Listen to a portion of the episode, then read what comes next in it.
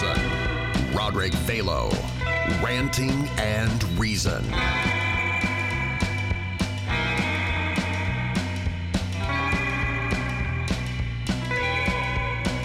Ik ben, eh, als het goed is, maar ik weet het nooit helemaal zeker, 62. Ik ben van 1988. Ik ben eh, 45, dus ik ben alweer oud genoeg om eh, nou eigenlijk eh, vanaf jouw ongeluk eh, te hebben meegemaakt. Vandaar dat ik jou dan eh, wel eens we- heb waargenomen, laat ik het zo zeggen. Ja, ja, ja. Dus, hoe oud was je toen? Even kijken. Het was, is 25 jaar geleden. Toen was je dus Eh 16 of zo? 16. eh, 41 ben je? Nee, Sorry? v- 44. 44. Dan was je, denk ik, 19, denk ik. Ja, precies. Nou ja, Ik ben niet zo heel goed heel in rekenen, hè?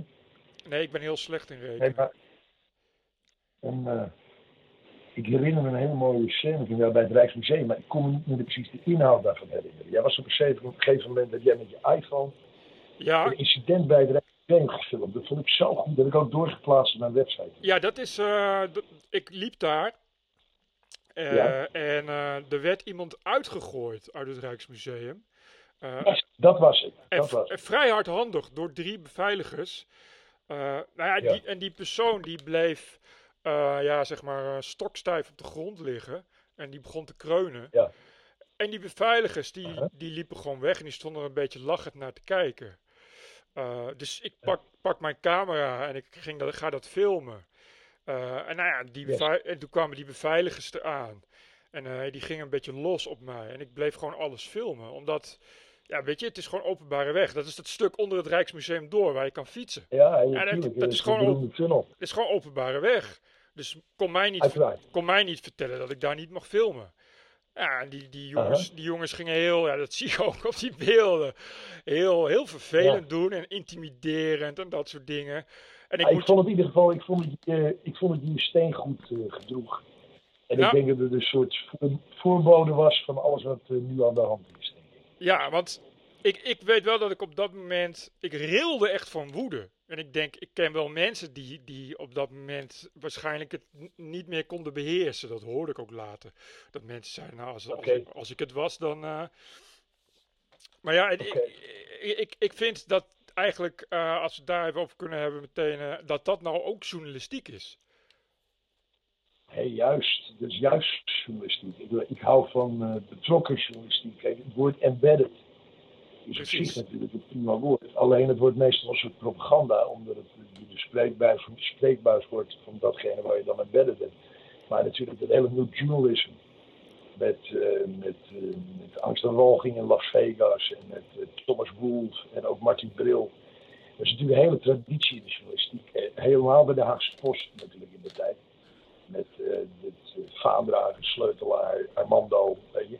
Ja, Dus die hele, eh, dat gebruik van de werkelijkheid vind ik hartstikke belangrijk. Journalistiek. dat bedoel ik. Terwijl, je, terwijl dat Uiteraard. tegenwoordig, eh, weet je, het is gewoon niet meer zo.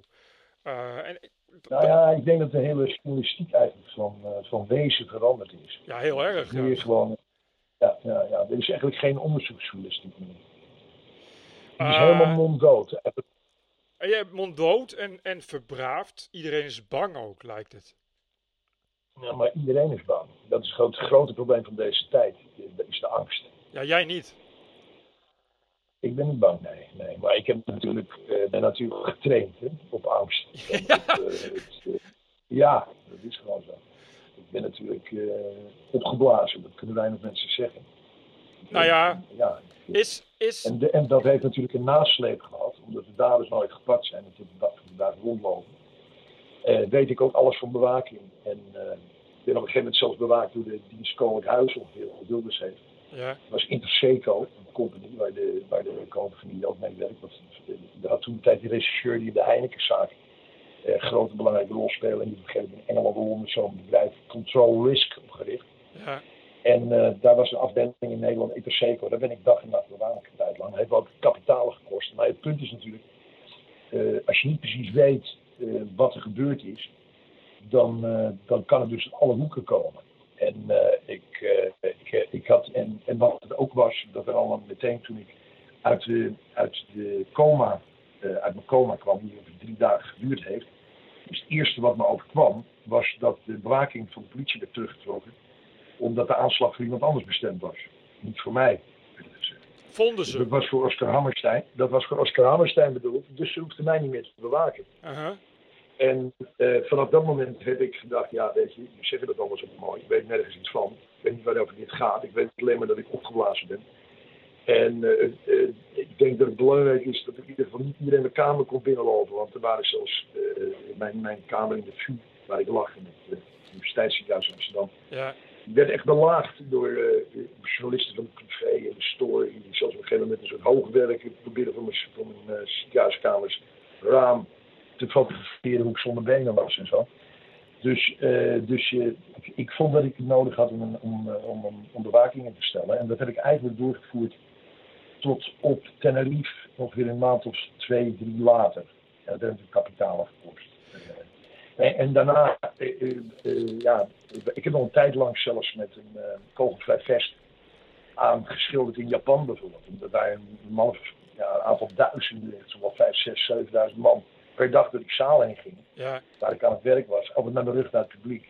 Ja, dat hoeft maar één gek te zijn natuurlijk die, die een wapen bij zich heeft. Ja. En je bent, wordt van je stijlen geschoten. Dus ik, ik dacht, ik, ik, ik verzeker me van een kogelvrij vest. Ik heb het nog steeds liggen. Ik heb het eigenlijk sindsdien niet meer eh, aangehad.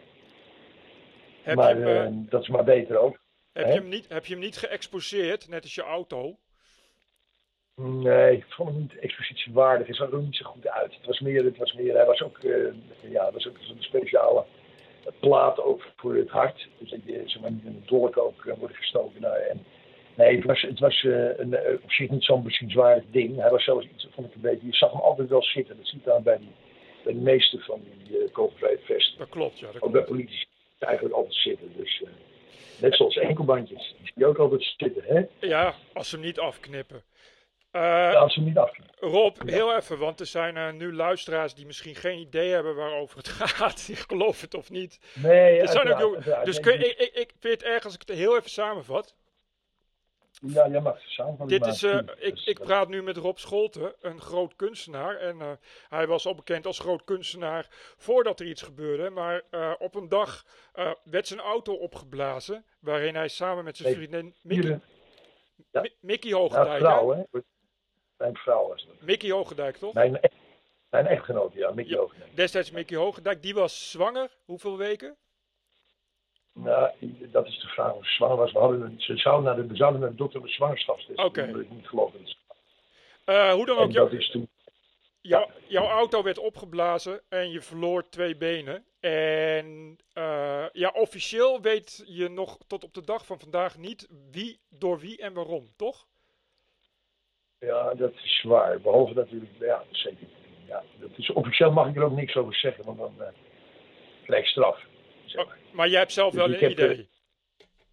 Ik weet, eh, denk ik, exact wat er gebeurt. En weet je ook waarom? Eh, ja, ik weet ook waarom. Oké, maar jij wil daar niet over praten nu. Nou, ik wil er best wel over praten, maar tot een bepaald punt, want ik, eh, ik wil niet strafbaar zijn. Nee, Ik precies. heb, eh, 13 jaar, ik heb 13 jaar terecht gestaan, omdat ik een naam genoemd had van een dader. Oh, jezus, En dat serieus? is, dat, is genoeg, dat is genoeg geweest. Ik ben, heb daar eh 13 jaar lang met Nico Meijering, topadvocaat, eh, Ja. samengewerkt. Ja. Maar het was, de, de, de, de man in kwestie is zelfs nooit verhoord door de politie. Snap je? Dus het is zo'n onwil om, eh, om, eh, om inzicht te krijgen in wat er gebeurd is. Die stuitend is en ook nog eh, zeg maar, met medewerking van het Openbaar Ministerie om mij dan voor smaad 13 Ja. jaar aan te klagen. Ja, het Dat is ongelooflijk. Ik geloof dat de langstdurende strafzaak is in de Nederlandse geschiedenis. ja, En de stilste, want er werd nauwelijks over geschreven ook. Maar goed, uiteindelijk is hij, weet het, eh, nou, er is een speciaal naam voor dat ze eh, alles wegstrijken. ja. Die 13 jaar was gewoon alleen maar terreur geweest eigenlijk. En veel geld. Kun je... Kun je Maar goed, ik ben opgeblazen inderdaad, dat klopt. En, en eh, ik, ja, ik ben daarna ook uit Nederland weggegaan. Ik ben daarna vertrokken. Ik, ah, sinds 1985 werk ik op eh, Tenerife een hele goede Spaanse galerie samen. Dus op de Canarische eilanden, dus in Ja. Santa Cruz. ja, Een Leyendecker Gallery. En dat was eigenlijk een beetje altijd de galerie waar de beste avant-garde kunst van Europa samenkwam. Dus daar waren Peter Schuif, George Kondo, eh, een beetje grote Amerikanen, Duitse namen, Rosemary Trokkel. Echt een beetje het centrum van de Spaanse kunstwereld. Heel veel, eh, hij is ook een van de oprichters van de Arco in Madrid. Dus dat was een heel belangrijk contact voor me. En daar ging ik naartoe, eigenlijk eh, vaak uh, een maand, maand, maanden achtereen. Ja. En dat was, dat, was, dat, was, dat was heerlijk. En op een gegeven moment dacht ik, ik wilde ook gaan wonen. En dat was precies, ik woonde eerst in Brussel vanaf 1988. Ik werd eigenlijk heel snel populair. Ik nog snel met hele grote internationale tentoonstellingen mee. Ja. Jean Documenta, Biennale van Venetië. En toen dacht ik, uh, toen, en het werd steeds benauwder in Amsterdam. Er werd s'nachts aan de deur gebeld door, door, door junkie, ex-vrienden, weet je wel. En ik had gewoon echt last. Dus ik moest daar gewoon weg. Ook de drugs, de dingen, ik wou dat gewoon niet meer. En ik ben naar Brussel verhuisd in 88 en daar heb ik gewoond tot 1994, dus zes jaar. Ja. En in 1994, zomer van 94, dus een paar maanden voor de aanslag, uh, Willem, Nicky en ik hebben we met elkaar afgesproken. Ik, uh, we nemen de galerie over, de oude galerie De Living Room in de Laurierstraat. Daar maak ik een studio en daar vestig ik mijn BV. Ja. En later is Nicky daar gaan wonen. Maar ik, uh, en ik, ik verhuis mijn hele leven naar Tenerife toe. Ja. En daar heb ik een huis gevonden in Punta del Dodo. Dus het punt van de ridder. Ja. een beetje de noordkant van Tenerife. Eigenlijk de, de bovenste driehoek. Waar het, zeg maar, het zuiden is allemaal toeristen. Precies. Bij het Zuidvliegveld. En dit is Noordvliegveld, dus ik, ja, heerlijk. En daar had ik veel vrienden en daar heb ik lang gewoond. Daar heb ik gewoond tot, tot 2003. En ik ben de laatste drie jaar, dus 2000, 2001, 2003, ben ik eigenlijk alleen maar op Tenerife geweest, niet meer terug geweest naar Nederland. En ik ben eigenlijk de dag voordat de Amerikanen Irak binnenvielen, ben ik naar, uh, naar uh, Amsterdam verhuisd. Ja. En ben ik naar Amsterdam gegaan, dus teruggegaan. En ja, dat is een heel lang verhaal. Maar in sinds die tijd, dus 2003, ben ik in Nederland eigenlijk. Ja. Maar daarvoor heb ik dus langdurig op de Knijpse eilanden gewoond. En eerlijk, ik mis het ook heel erg. Dus ik mis Dat het echt. kan ik me heel goed voorstellen. Ja, ik mis de eeuwige lente die er is. En ik mis de, dit zijn de gelukzalige eilanden. hè. Ja, man. Las Islas Patinadas. Het is echt het heerlijkste van het heerlijkste. Het is Het altijd is- lente. Het, de? De, de mentaliteit is hier zo top, jongen. Ja, jongen, ik weet het. Ik hou er zo van. Ik, ik, eh, ik heb er heerlijk, heerlijk van. Ik heb heel veel vrienden. Het was eigenlijk het plan. Ik ben verschillende keren naar die terug geweest, een aantal tentoonstellingen nog gemaakt. Eh, mijn huis heb ik niet meer, maar het staat nog steeds leeg. En ik wou eens gaan kijken, eh, eigenlijk in januari, hoe het ermee stond. En een aantal andere dingen die ik daar te doen had. Ook in verband met, met een tentoonstelling in het Museum de Fundatie. Die eigenlijk zou plaatsvinden nu, afgelopen september. Eh, maar die we uitgesteld hebben. eh, eh, of die eigenlijk van de zomer eigenlijk. Want mei zou die beginnen en dan de hele zomer duren tot en met september. En toen hadden we eerst dat in september zouden laten starten. Maar het voetbal al snel we doen met corona. Ja, Dat precies. het een permanent aard zou hebben. En toen hebben we dus in ieder geval gezegd, ben ik heel blij om, dat het nu pas september 2021 gaat plaatsvinden. Oké. Dus die is in voorbereiding. Er zijn nog veel bruiklijnen gedaan. Maar goed, ik had er nog een aantal dingen, want dat is wel zo natuurlijk. Afspraken maken is moeilijk, dat zal je ook wel gemerkt hebben. Nou, Het komt altijd wel tot stand, maar eh, het is altijd wel manjana. Dus, het kost eh, het even moeite meestal, ja. Ja, die begrijp wat ik bedoel. Dus dingen Absoluut. als internetverbinding of elektriciteit. Of, eh, weet je, het kost gewoon wat moeite, maar Ja. het komt er wel. En natuurlijk heb je het. En dat, dat weet ik me altijd goed. Maar het is ook bij mij zo. Er zijn een hele belangrijke schilderijen die ik heb gemaakt. In de periode dat ik op Tenerife woonde. En, ehm, de, en die eh, zou ik graag de tentoonstelling hebben. Dat wordt natuurlijk toegezegd. Maar daadwerkelijk komt het niet van de grond. Dus ik moet, had daar gewoon naartoe gemoeten om een aantal dingen Precies. eh, eh, klaar te maken en te regelen. En dat zou eigenlijk in januari zijn geweest, eh, februari. En het werd iets uitgesteld en toen kwam die hele coronaslag. Ja. Ja, toen ben ik, ben ik niet meer gegaan. En nu zat ik eigenlijk de afgelopen maand weer op de. Eh, ga ik wel, ga ik niet. Maar het nu toch iets te risicovol. Want hebben jullie een lockdown nu daar of niet? Eh, nee, jij- eh, beperkt, want het valt hier nog wel mee qua, qua besmettingen op de 100.000. Oké, nou bij ons ook. Alleen de maatregelen zijn onevenredig. Dat is meer het probleem. Ja, I I know. Het is, het is, het You know what's happening in the Netherlands. Dat is, yes. het, is niet, is echt niet mis wat hier gebeurt. Maar, We eh, zijn echt een streep over. Hè? eh, eh, wie- eh, Maar goed, je, kwam, je woonde ooit op Tenerife, eh, lijkt maar eh, een gelukzalige plek om te wonen. En nu woon je eh, in Den Helder of, of woon je nu weer in Amsterdam? nee, nee, nee. Ik ben eigenlijk, eh, ik ben uit Den Helder dus. eh, ik, heb daar, ik ben daar eigenlijk, ik ben teruggekomen in Nederland. Toen ben ik aan Bergen terechtgekomen in Noord-Holland. Ja, Daar heb ik mijn, mijn zoon is geboren op Tenerife in eh, La Laguna. Het, Ah. eh, het, eh, La Laguna. En deze paspoort staat in Santa Cruz, wat erg mooi is. En ik, eh, ik ben een tweede kind gekregen, namelijk Anaïs, mijn dochter. Die is nu 15, mijn zoon is 20. En die, eh, die is geboren in Berg. En eh, Bergen ben ik eigenlijk, uh, uit, daar kom ik van huis uit een beetje vandaan. Ik heb de middelbare school gezeten in Alkmaar. Ik was twaalf dat ik hier kan wonen, omdat mijn ouders weer huis hebben gebouwd. En daar heb ik mijn middelbare school doorgebracht. En daarna ben ik uitgewaaid naar Amsterdam, eerst Groningen en toen Amsterdam. Uh, Rietveld gedaan. En, ja, en opgeslokt door het leven en de, de tentoonstellingen en de, ja, alles wat er gebeurde. En, maar ik woon dus op dit moment weer terug een beetje bij de oude stek. bij mijn moeder. Ja. Met mijn dochter en oh, Dus dat is wel heel, ja, het is, het is merkwaardig hoe de cirkel rond komt en hoe de slang in zijn eigen staart bijt. Maar, maar het Den dus Helder verhaal. Hoe in godsnaam Den Helder verhaal, ja, kom je ik ben daar dus, ik ben er dus, ja, ik kwam daar terecht eigenlijk heel simpel. Ik, je weet misschien dat ik al, vanaf 1985, 84 met assistenten werk. Dus ik zie in mijn werk ook als een soort, uh, soms ook als een groepsinspanning. Daardoor ben ik ook gevraagd voor het grote Japan-project. Uh, omdat ik zo goed mensen kon managen en met groepen kon werken. Dus ik had daar permanent acht mensen vier lang op de job. Om dat grote, die schildering te maken in dat Holland Raging Village project. Uh, in, uh, in, in, Sasebo City, in, bij Nagasaki. Maar goed, ik werk al met assistenten. Dan heb je ook ruimte nodig waar je met veel mensen in kan. En ik had in Egmond aan de hoek had ik een, prachtige oude boerderij tijdelijk. En daar hadden we een hele goede studio. Maar dat pand zou afgebroken worden en moesten we dus min of meer uit. En ik had al eerder, ook voor de opslag van mijn spullen, uh, via Woningstichting Den Helder in uh, Den Helder, uh, de boven, grote bovenzaal van het, het hoofdpostkantoor van Den Helder, had ik, had ik in, zoals ze dat noemen, een bruikleen gekregen. En daar, heb ik, daar, heb ik, daar ben ik steeds meer gaan werken. Dus mijn, mijn assistenten die werkten steeds meer daar, tot me gewoon al het werk zich in Den Helder bevond. Mijn meisje wou niet mee, want die haatte Den Helder zo zeer. Die vond het echt zo het al het ergste wat er laat, ons later overkomen is, dus zou overkomen. Ze hebben echt een heel goed, uh, goed voorgevoel voor Maar goed, uh, ik heb er min of meer onder. We zijn met z'n hele gezin naar de Helder toe gegaan. Mijn dochter zat nog op de kleuterschool, of de lagere school. En die, is, uh, die zit nu in gymnasium. Maar die, die is daar school gaan doen. Mijn zoon die, zat in Alkmaar op het gymnasium en die is dus eigenlijk met de trein op en neer geweest. We hebben vanuit Den Helder zijn we het zaakje gaan, gaan organiseren. dat is ongeveer geweest ik denk dat dit geweest, dat ik begon in Den Helder is 2007 geweest.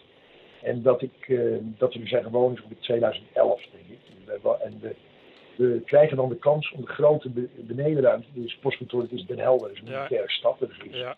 is een militair deel en een soort volksdeel. En dan, dan krijgen we zeg maar, het, het, publieke postkantoor, dus niet de militaire, eh, krijgen we, wordt, komt leeg. Daar zat tot dan, terwijl ik op de bovenetage zat, nog een TNT-postkantoor in ieder geval het kwam leeg. En dat was een prachtige ruimte om een tentoonstelling te maken.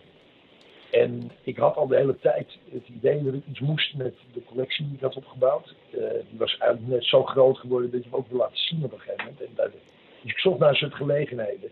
Ik was in Wildborders in Hello, de observatiekliniek op zoek geweest. Ik was, had een aanbod gekregen in Den Helder van, uh, van Zeestad, wat een beetje de overkoepelende organisatie is voor alle stadsvernieuwing om het fort, het oude Westoever, eh, te, te gebruiken. Nou, dat was een prachtig ding. Daar, alleen er stonden heel veel oude machines in. Ik had dus een vriend Richard, die was sloper en die kon er dan voor habbekrats uithalen. Eh, en die kon dat, dat metaal dan allemaal machines die er stonden, allemaal, allemaal oude, zo'n backup van de elektriciteit was dat op, uh, op, op, op oude stoommachines bij wijze van spreken. Dat kon niet verkopen weer, dus dat was allemaal goed. Alleen toen kwamen ze de asbest tegen in, uh, in ja. pijpen die naar buiten gingen. moesten van buiten mensen bijkomen. En toen uh, uh, werden we dus, toen was het volgende, wie gaat die asbest verwijderen? Ik had mensen dat te doen. Er was ook geld beschikbaar. Ik kon een miljoen krijgen, hele correspondentie een hele organisatie, een museum in Fort Westoever. Alleen dat asbest, toen begon eigenlijk het probleem tussen mij en Zeestad. Want wat gebeurde daar? ik had een offerte laten maken, er kwam 10 miljoen uit. Maar Zeestad accepteerde dat niet en wou dus een offerte van uh, eh, 50 miljoen goedkeuren. En of ik daar maar aan mee wou doen, nou dat heb ik toen geweigerd. En vervolgens vanaf dat moment, toen bleek dat ik niet voor dit soort, uh, zeg maar, ja, een soort, soort schijntransacties wou deelnemen. is dat hele project gecanceld geweest. En de man, de sloper in kwestie, die is uiteindelijk een maandje of twee nadat de correspondentie op straat kwam te liggen is hij van een slooptoren afgevallen of geduwd omdat hij geen veiligheidsbrand om zou hebben. En hij had altijd natuurlijk, was een professional, dus hij had altijd een brand in. Nou, in ieder geval, die is dus dood. Dus niemand kan het nu navertellen, dit hele verhaal. Maar zo is het begonnen. En ondertussen was dus de benedenruimte vrijgekomen in het gebouw waar ik al zat in de Helden. Toen Ja. dacht ik, nou, voor het Westoever Moela, ik ga gewoon een museum maken onder mijn eh, studio. Ja. En dat ben ik gaan doen. Dus in 2013 ben ik open gegaan bij de Marinedagen. Zijn we bijna, we zijn geloof ik van 's ochtends 9 tot 's avonds 9 open geweest. En eh, de eerste drie dagen, maar dat beviel zo goed, we hadden zoveel aanloop, dat we het zijn gaan doorzetten. Op een gegeven moment waren we dus echt eh, ja, alle dagen van de week open. En was het eigenlijk het enige waar je zondag een kop koffie kon drinken in Helden. Ja. Dus, eh, dus we hebben echt de stad echt tot leven gebracht. Alleen, ik wist gewoon niet dat ik, eh, dat ik deel zou uitmaken van een soort heel politiek spel waar eigenlijk uh, aha. ja, stekkers opnieuw geld verdwijnt. En dat heb ik, dat heb ik veel te laat begrepen. Ja, want Dus hier, hoe on, hier gaat het verhaal even beginnen. Want wat, wat gebeurde er? ja. Nou, het volgende is aan de hand. Ik maak dus een contract voor die zaal. En we beginnen dus, we maken een tentoonstelling. We hebben een, eh, we hebben een, eh, het gaat heel goed, we krijgen veel publiek. En dan krijgen we op een gegeven moment, we zijn in gesprek, gebouw bouw geraakt steeds leger, want mensen gaan weg. En op een gegeven moment ontstaat dus het idee, we zouden dus het hele gebouw als museum kunnen gaan inrichten. En dan was er in plaats van de 1000, 1200 vierkante meter die we hadden, kwam er opeens nog 2000 vierkante meter begane grond de kelder bij. Dus het was alleen een kwestie van doorbreken. Er was er één studio vrij, maar die mevrouw dat ze bereid was te verhuizen, dus alles. En dan hadden we kunnen doorbreken, hadden we een doorbraak kunnen hebben. En dan hadden we gewoon het grootste museum van Noord-Holland ongeveer gehad. Mhm. En dat had ik denk ik kunnen runnen op eigen geld, zonder enige subsidie. Alleen maar op goodwill, opgebouwde goodwill, vrienden en, en, ja, en vrijwilligers.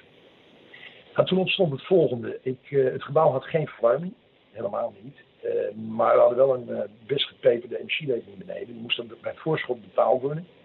600 euro per maand. Mhm. En eh, dat heb ik ook gedaan. Tot de, wat een van de afspraken was dat na 12 maanden, als we het betaald hebben, dat dan de eindafrekening van het gas en licht. En dan kon ik bij die was natuurlijk, ja, is toch wel eh, bijna 7200 euro per, per jaar. eh, wat ik wel en niet reëel had uitgegeven. En die afrekening, die eindafrekening, bleef de hele tijd achterwege. En wat verbazingwekkend is. Dus, En na twee jaar, als je nog steeds niet afgerekend bent, terwijl je weet dat je bijna niks verbruikt hebt en die voorschotten veel zijn, ben ik, ben ik gestopt met het betalen van die elektriciteitsrekening. Dat mij kan niks gebeuren. Mijn huur, dat stond op zwart-wit. Mijn, mijn vergoeding voor het gebruik van de nederruimte, apart dus van mijn woonruimte en wat ik later er ook wonen, en mijn studio boven, had een apart contract. Er stond gewoon in dat mijn wederprestatie was dat ik het museum eh, onderhield en draaide en tentoonstellingen hield, een archief opbouwde, bibliotheek. Dat was mijn betaling eigenlijk. En de andere was gewoon een voorschot op de servicekosten, et cetera. Maar goed, na, na vier jaar was die eh, rekening er nog steeds niet. En ondertussen waren we dus in conflict geraakt met de gemeente. En de gemeente heeft na vier jaar dus alle die rekeningen bij elkaar opgeteld en een bill gestuurd van 20 miljoen. Waar ook nog bijgerekend was al het vaste recht voor de rest van het gebouw, waar allemaal andere gebruikers zaten. Ja. En toen kregen we een discussie over de betaling. Dat zelfs de, eh, wat er gebeurt is, de, de gemeente, het is de plek waar oorspronkelijk het, eh, de gemeente een stadhuis had willen bouwen. Dat is politiek helemaal afgeschoten geraakt eh, bij, de, bij, de, Ja. eh, bij de. Weet je, dus dat is, dat is verdwenen, dat idee, dat, dat kan ook niet meer. Maar er is geen alternatief. En tot de dag van vandaag zijn ze het harde waren over waar het stadhuis moet komen. Dat is Ja. een grote kwestie. Al 20, 30 jaar in de Helse gemeentepolitiek, maar daar zat ik dus in. Maar dat gebouw was natuurlijk heel aanlokkelijk. Het was hartje stad, tegenover het station. Monumentaal Eh, pand ook, hè? Monumentaal pand, echt een museum, weet je. Ja. Echt een prachtig uh, ja, een wederopbouwgebouw. Eigenlijk een van de wederopbouwmonumenten van de stad. Er zijn er misschien een paar over. En die ook allemaal bijna gesloopt zijn. Die VND is, was al over, dat het station was al. En het is een heel, dat, Wieger Bruins, een architect, heeft er een heel plan toen ontworpen voor de wederopbouw van de Helden. En daar hoorde dit gewoon bij. En Precies. ik, ik vond het ook gewoon mooi. En ik wou dat eren. En ik wou uh, wou het gewoon. Ja, het, was, het was gewoon heel goed. Maar zij hadden een ander idee. Ze hadden dat gebouw commercieel gaan verkopen. Dus geld, te mogelijk geld uit het pand te, Ja. te halen. Nou, op die manier hadden ze dus gewoon een enkele contract opgezegd. Zegt, dat, eh, heb ik, eh, en ze hebben, dat ik er niet mocht wonen. Dus twee dwangsommen en zo. Nou, dat heb ik allemaal tot de commissie van beroep en bezwaar gewonnen. En ze moesten uiteindelijk dus accepteren dat ik daar woonde. Ze moesten zelf, eh, dus, en dat betekent ook dat ik daar eigenlijk een huurcontract heb. Met ook huur, eh, met huurbescherming. Eh, maar goed, maar het- ze wilden dus het hele gebouw, ze zeiden me dus op. en ze waren, ondertussen waren ze een verkoopprocedure starten. En werd via de firma Redress werd het gebouw in de wereld gezet. Ja. En mocht hij dus open inschrijving van een half jaar, die het meeste boven kreeg het gebouw. Maar in mijn contract stond heel duidelijk dat ik een recht van eerste koop had. Dus dat het eerst aan mij moest worden aangeboden. En dat werd gewoon niet gerespecteerd. Dus ik kreeg als het ware die, eh, dat, dat ik ontruimd zou worden. Ik ben daarop heb een kort geding aangespannen in Alkmaar. En dat heb ik gewonnen. Omdat eh, de rechter zei op grond van wat hij kon opmaken. Moesten door een voorziening, moesten door een, eh, moesten door middel van een, ik nou, zo'n, zo'n basisprocedure. Een, ik vergeet al die gerechtelijke namen, zo, ik word er ook zo ziek van. Daar, eh, daar een bodemprocedure Ja, moest uitmaken of ik wel een huurcontract had. Nou, dat was natuurlijk zeer in de, tegen de zin van de gemeente, die echt zijn zinnen erop gezet en binnen de kortst mogelijke tijd het gebouw leeg wou hebben. In Kluismuseum, in Kluiswoning, in Kluis Studio, wat bij mij allemaal functioneerde. Dus ik had echt een heel circus draaiend en dat werkte. Ja. Ik, het ging gewoon goed met mij en mijn werk en alles.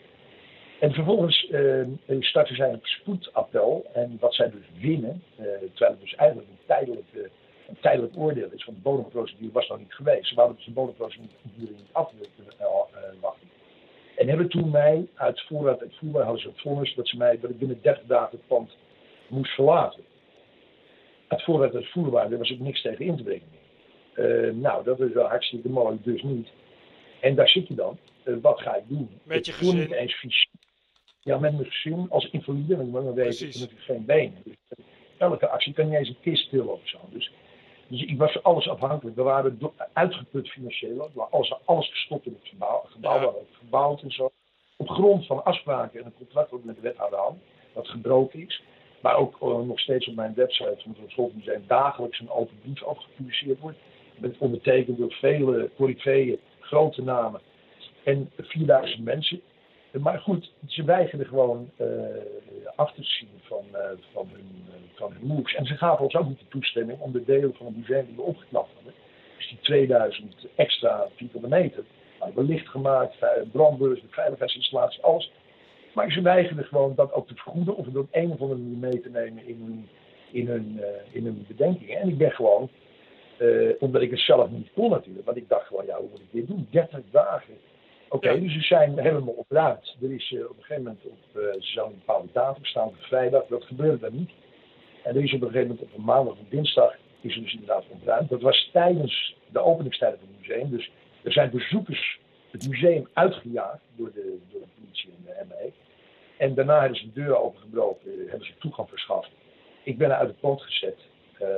en met, met alleen meeneming heb ik kunnen doen mijn eigen computer, mijn, mijn elektriciteitssnoer slepend over de grond, één arm met één arm de rolstoel. Zo zie je mij het pand verlaten. We hebben niets kunnen meenemen. Alles wat we hebben is in beslag genomen. Geheel onterecht. Dat hebben ze zo gedaan. Ze hebben me gewoon een gebiedsverbod gegeven. Mij en, en mijn belangrijkste assistent. Ja. Zodat ze de kan drie maanden lang niet in de buurt van het pand mochten bevinden. Nou, dat, eh, dat, we konden dus niks weghalen daar zo. Dus ze hebben alles. Dat is, dat is volgens mij ook wel illegaal. Maar ze hebben alles als bewaarder. Zijn ze opgetreden. En daar heb je het over je kunst ook, hè? Nee, dan heb ik het over alles wat ik bezit. Alles wat he- alles wat ik bezit, alles wat ik bezit is in beslag genomen. Mijn privéspullen zijn naar een Amsterdams eh, bedrijf gevoerd, eh, Comenius. In een loods geflikkerd. Dat was Ja. geflikkerd. Duizend kubieke meter spullen. De bibliotheek, de archieven, correspondenties met, eh, met, eh, met Zwageman, met, met, eh, met de doodnatuur, met René Daniel, met Ja, alles van daartussen, weet je wel, en één grote hoop. En dat kostte 8.500 euro per maand aan opslagkosten. En tegelijkertijd is de kunst en alles wat zij dus meenden dat wel eens een kunstwerk kon zijn. Want ze hebben ook allemaal een drukpersen meegenomen. Me- Materialen om dingen te maken. Dat mag allemaal niet. Want je moet bij een, bij een opruiming altijd iemand in staat laten om zijn eh, beroep en eh, in hem in staat te stellen in de geld te verdienen. Maar dat is mij dus helemaal afgenomen. Ze hebben alles meegenomen opgeslagen bij een eh, zeer respectabel transportbedrijf, namelijk Inning. Had ik al eerder mee gewerkt voor een tentoonstelling met borduurwerken in Museum de Fundatie. Hadden ze me een man of vijf, zes van zijn team. Die ook in protest kwamen tegen de hele actie. Ze zelfs ontslagen uh, zijn gevallen daar binnen het bedrijf hierdoor. Maar goed, daar stond een arreson van 10.000 euro vast. En ik werd gewoon zonder enige hulp uh, als invalide met de gezin staat gekwakt. Dat is er gebeurd. En 18.500 euro per maand aan kosten die dus voor degene die verantwoordelijk was is. En in principe ben ik dat dus, dus tenzij ik kan bewijzen dat het allemaal toch illegaal en onrechtmatig gebeurd is. eh, ben ik, word ik geacht die kosten te betalen die zij dus aangegaan zijn, 18,5. Nou, je kan nagaan als je dan 2,5 jaar wat het nu is, uh, deze situatie zou dat door laten lopen. Ik heb gelukkig, ben ik erachter gekomen waar mijn privéspullen stonden. Uh, die heb ik op een gegeven moment volgens bedreiging dat als ik die huur van 8.500 per maand niet zou betalen, ik moest meteen een bedrag van 60 miljoen betalen, dan zou ze alles vernietigen. Toen heb ik, om mijn spullen te beschermen, met mijn advocaat een beslag gelegd op mijn eigen privéspullen. Dus dat ze er niet bij kwamen. Nou, dat was natuurlijk een mooie lullig voor ze, want dan konden ze die vernietiging van al die, al die hele bibliotheek niet doorzetten. Waarvan ik gewild. En toen, eh, vervolgens hebben ze de huur opgezet daar, waardoor we gedwongen werden de zaak te verhuizen. En dan praat je dus over duizend piep aan spullen die nog niet uitgezocht zijn. Dus je kan niet alles je moet het meenemen. Dus voor de, je moet het eerst uitzoeken natuurlijk. Uh -huh. En voor die tijd weet je hoe dat weg kan. Dus uh, toen hebben we uh, toen hebben we dus bedacht, ja, wat kunnen we doen? We hebben de offertes aangedaan, dus 50 miljoen om die spullen weg te halen daar aan het transport. Dat was ook een auto of 30 denk ik, wat daar weg moest. Uh, van die vrachtwagens. En toen hebben we gelukkig met hulp van het Van hebben we een loods kunnen huren die meter of 50, 100 verderop lag op hetzelfde terrein. En dat was 900 kilometer. En daar hebben we alles met onze vrijwilligers naartoe gedragen. Je moet je voorstellen, midden in de winter, al die spullen van de ene loods naar de andere. En uh, ja, omdat de gemeente zo krankzinnig is geweest, dermate hoge huren aan te gaan. En daar zit je dan. Uh, dus toen was ik verhuisd, toen had ik maar 2.500 per maand uh, huur aan het Van Gogh Museum. En ik was die 8.500 kwijt. Maar goed, het, uh, maar ik, zelf was natuurlijk ook dakloos de hele Ja. periode. Ik heb, ik, heb geen, ik heb niet meer samen met mijn gezin kunnen wonen, waar ik, waar ik al 20 jaar mee woonde. gedurende twee jaar zijn we, zijn we eigenlijk van elkaar afgeraakt geworden. Omdat het simpele feit dat uh, mijn uh, vrouw is met kinderen. Omdat ze natuurlijk ook schoolgaande kinderen hebben. Dus Ja. mijn zoon zat eindexamen. Alle schoolboeken zijn in beslag genomen. Dus ja, het was een onmogelijke toestand. Was dus van Amsterdam uit gaan reizen. Daar woonden mijn schoonouders. Wij woonden twee, drie hoog. Dus ik kon daar niet die trap elke keer op. Ik kon daar dus niet zijn eigenlijk. Dus ik moest zelf mijn eigen, mijn eigen plek uh, vinden. En mijn eigen onderhoud doen. Dus zelf koken en uh, alles regelen. En gewoon weer alleen aan leven. Helemaal onverwachts. En dat heb ik gedaan. Dus was dat, uh, ik ben eerst naar Zwolle toe gegaan. Daar ben ik opgevangen door uh, de Lange van IQ. die heeft ook heel erg voor helemaal brood gezorgd in het verleden. En die hebben echt op, op, op poten gezet weer. En daarna heb ik de uitnodiging gekregen van Peter Hoenboer van de Blije Buren, misschien wel eens gehoord. Dus een voedseluitdeelorganisatie in Amsterdam. Die zei tegen mij, ik had een aantal keren met hem gecommuniceerd op die uitzetting. Omdat Ja. hij ook veel bedrijven heeft op mijn kant Amsterdam. Nou, kom dan maar bij mij op de bank slapen. Ja. En dat heb ik gedaan. In zijn kantoortje heb ik drie weken uh, gezien hoe uh, heel arm Amsterdam bij hem uh, eten kon halen. Wat hij uit de supermarkt, Jumbo en zo haalt. En wat net nog niet over de tijd van verbruik heen is, maar dat niet meer verkocht Aha. wordt. En dan dat hij daar eh, herdistribueert. Nou, hij is echt een fantastische vent. Ik heb er heel, eh, heel veel van geleerd. En, maar op een gegeven moment zou die plek waar ik zat ook ontruimd worden weer. Dat kantoortje van hem dus. En toen dacht ik, ja, dit is gek natuurlijk. Als druk in de krant komt, de school voor de tweede keer ontruimd. Binnen een maand. Dus ik dacht, nu moet ik weg. Die had geen goed, uh, geen goed omen is dit. Toen heb ik van een vriend een oud café aangeboden gekregen in Beverwijk. En daar heb ik ze verkeerd, een maand of twee. En toen vervolgens bood een andere vriend van me aan in Noord, in Amsterdam Noord. Ik heb een kamer vrij. Daar kan je zitten. En daar heb ik eigenlijk een anderhalf jaar gezeten. Het was moeilijk om alleen naar buiten te gaan. Ik ben natuurlijk, ja, ik heb altijd, ik geen benen heb, dus geen trappen te lopen. Dus alle obstakels zijn echt obstakels voor. Maar goed, ik heb daar, eh, daar eh, ja, goed, eh, goed kunnen leven. Maar tot ik, tot ik wat problemen kreeg met degene die de gasvrijheid gaven. En ik wist eigenlijk niet waar ik naartoe moest. En toen had mijn moeder had al, al gezegd, mijn vader is overleden drie jaar geleden. En eigenlijk de hele bovenverdieping door haar ongebruikt stond. Vonden naar mij toe, dan kan je gewoon in je oude kamer weer zitten. Die is inmiddels niet zo klein als het was. Er zijn de ramingen, dus eh, de muren zijn uitgebroken. En de kamertje binnen die van mijn zusje. Maar daar zit ik, daar zit ik dus niet. Ik heb die uitnodiging op een gegeven moment aan moeten nemen. Want ik dacht, ja, wat kan ik doen? Ik kan wel uit leger des Heils of zo. Ik had geen geld om de huur meer te betalen of ergens een huis te huren zelfstandig. Geen spullen. Weet je, dus, uh, dus uh, wel een loods van uh, 2.500 per maand. En nog een uh, opslag van story, ja, 10 miljoen, dat weer wel dan. Maar goed, uh, en daar zit ik sinds uh, Koninginnedag 2019, denk ik. Jezus, Dus wat dat is een een beetje, verhaal, man. Ja, het is nog veel erger. Het is, het is verschrikkelijk. Maar het is natuurlijk maar, weet je Bert, die is maar één, onderdeel van de, één onderdeeltje van de terreur die ik natuurlijk 25 jaar al meemaak. Maar wat ik, Rob, dat is het enige wat ik nu de hele tijd denk, is, is waarom? Ja, wat, wat, wat, wat, heeft het, wat heeft het lot toch tegen Rob Scholten? Waarom is iedereen Ja. tegen Rob Scholten? Vertel dat eens, Ik Rob. denk, ik, denk, dat ik, ik denk dat ik een uitverkoren mens ben. Ja, behoorlijk. Eh, ja, ik denk dat ik eh, misschien wel iets betekent, want ik heb, ja, ik heb zoveel tegenstand. Eh, jammer genoeg is dat meestal niet je eigen verdienste, maar meestal is dat je, je bloedlijn of zoiets dergelijks. Begrijp je wat ik bedoel? Dus als mensen rijk worden, meestal door de erfenis. Ja, Maar goed, eh, er is dus, eh, er dus kijk, eh, de bedoeling van de aanslag was naar mijn idee ook niet om het te doden, maar gewoon om het te vernederen en mijn benen af te nemen. ja en misschien wel om. eh, hè? Waarom, waarom, wilde, waarom wilde iemand jou vernederen? Nou, vernederen is natuurlijk in eerste instantie, maar uiteindelijk dus niet. Uiteindelijk is het een heel groot compliment. Ik, ik weet wel, maar dat, dat, kijk, mijn oude pijn komt af en toe toch, als ik erover praat, weer omhoog. Ik heb eh, Ja, op Tenerife een waanzinnig mooie vrouw leren kennen uit Madrid, Ja. Anna, Martin Nero. En die zei tegen me eigenlijk toen, eh, ik kwam, had kunstbenen, nou, dat probeerde ik aan te doen en zo, daarmee ging ik met uit eten. Ze mag Kees, doe die benen af, jongen, lijkt wel zo'n gekke basketbal. Dus ik ging die benen af. Maar in, in die gesprekken met haar eigenlijk kwam, kwam ik tot het besef dat ik heel verkeerd keek naar de aanslagpleging. En zij zei tegen mij, dat ik eigenlijk heel erg, is heel erg onder door te doen, je moet ze verschrikkelijk dankbaar zijn. Het was een gigantische knal en dan ben je helemaal niet in staat om dat te denken. Je zit nog steeds niet aan het verhaal. Maar ik, ik, ben, ik moet ook zeggen, ik ben ze uiteindelijk natuurlijk ook zeer dankbaar. Maar ik merk dat die oude emoties er toch doorheen komen. En zodoende zeg ik eh, wat ik net zei. Maar ik bedoel, ik, dat, er is ook een tegenhanger daarvan. Het is ook een soort, eh, is ook geweest, ook voor hun die het uitvoerden, een soort kroning. maar, Ik ben daarmee de immobiele, immobiele koning geworden. maar, maar even, want nu je het er toch over hebt, maar het, het is uit jaloezie gebeurd. Dus iemand die jou kleiner wilde maken. Nee, nee, nee, nee. Dat is, dus, dat, is, dat is de eerste laag. Maar ik moet je dus zeggen, het is geen jaloezie. Nee, nee. Ja. Het is wel de makkelijkste manier om te verklaren en de rest van het verhaal niet hoeven aanroeren. Wat ik ook nu niet ga doen. Maar het heeft wel met je succes te maken. Nou, niet eens. Maar het heeft, Oh. ik ben wel succesvol geworden voor dit verhaal, zullen we maar zeggen. Ja, dat Dus, eh, wel. Het grote project in Japan.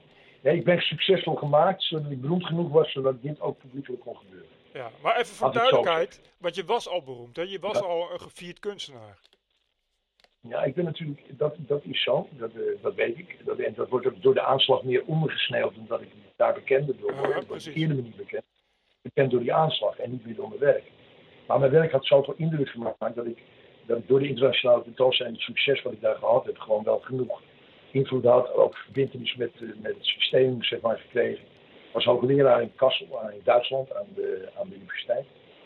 Schilderkunst. En dat is gewoon een erebaan. Eh, eh, wel, ik or- organiseerde het welkomstfeest voor de documenta-deelnemers. Dat had ik over van Arie Kraan in mijn toegang. Maar dus, eh, dus ja, ik eh, is waar, maar natuurlijk niet beroemd genoeg. Dus eh, ik moest nog veel, ik moest ook, eh, kijk, ehm, ik heb altijd gesappeld. Ik heb nooit, eh, heb nooit profijt genomen of echt dingen gedaan voor het geld. Ik heb wel gepland dingen, soms in oplagen, series, Ja. series zoals Damien Hirst dat doet. Heb ik dat ook gedaan. Dat ben ik eigenlijk een van de eerste die dat doet. Ik, ik maak shows in München, Tenerife en Amsterdam eh, en eh Milaan tegelijk. Weet je wel, Fidel.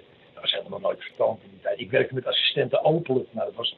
Ik weet wel dat eh Art in America is, eh is gezoend geweest door allerlei Amerikaanse kunstenaars. Omdat ze de studiosituatie hadden uitgelegd van Frank Stella. Weet je wel, daar werkten 25 mensen, maar hij wou graag als uniek van Gogh in beeld in de America. Dus dat was een soort, een, een zwaar bewaard geheim, zullen we maar zeggen. Maar ik deed dat Aha. niet, want ik was zo open.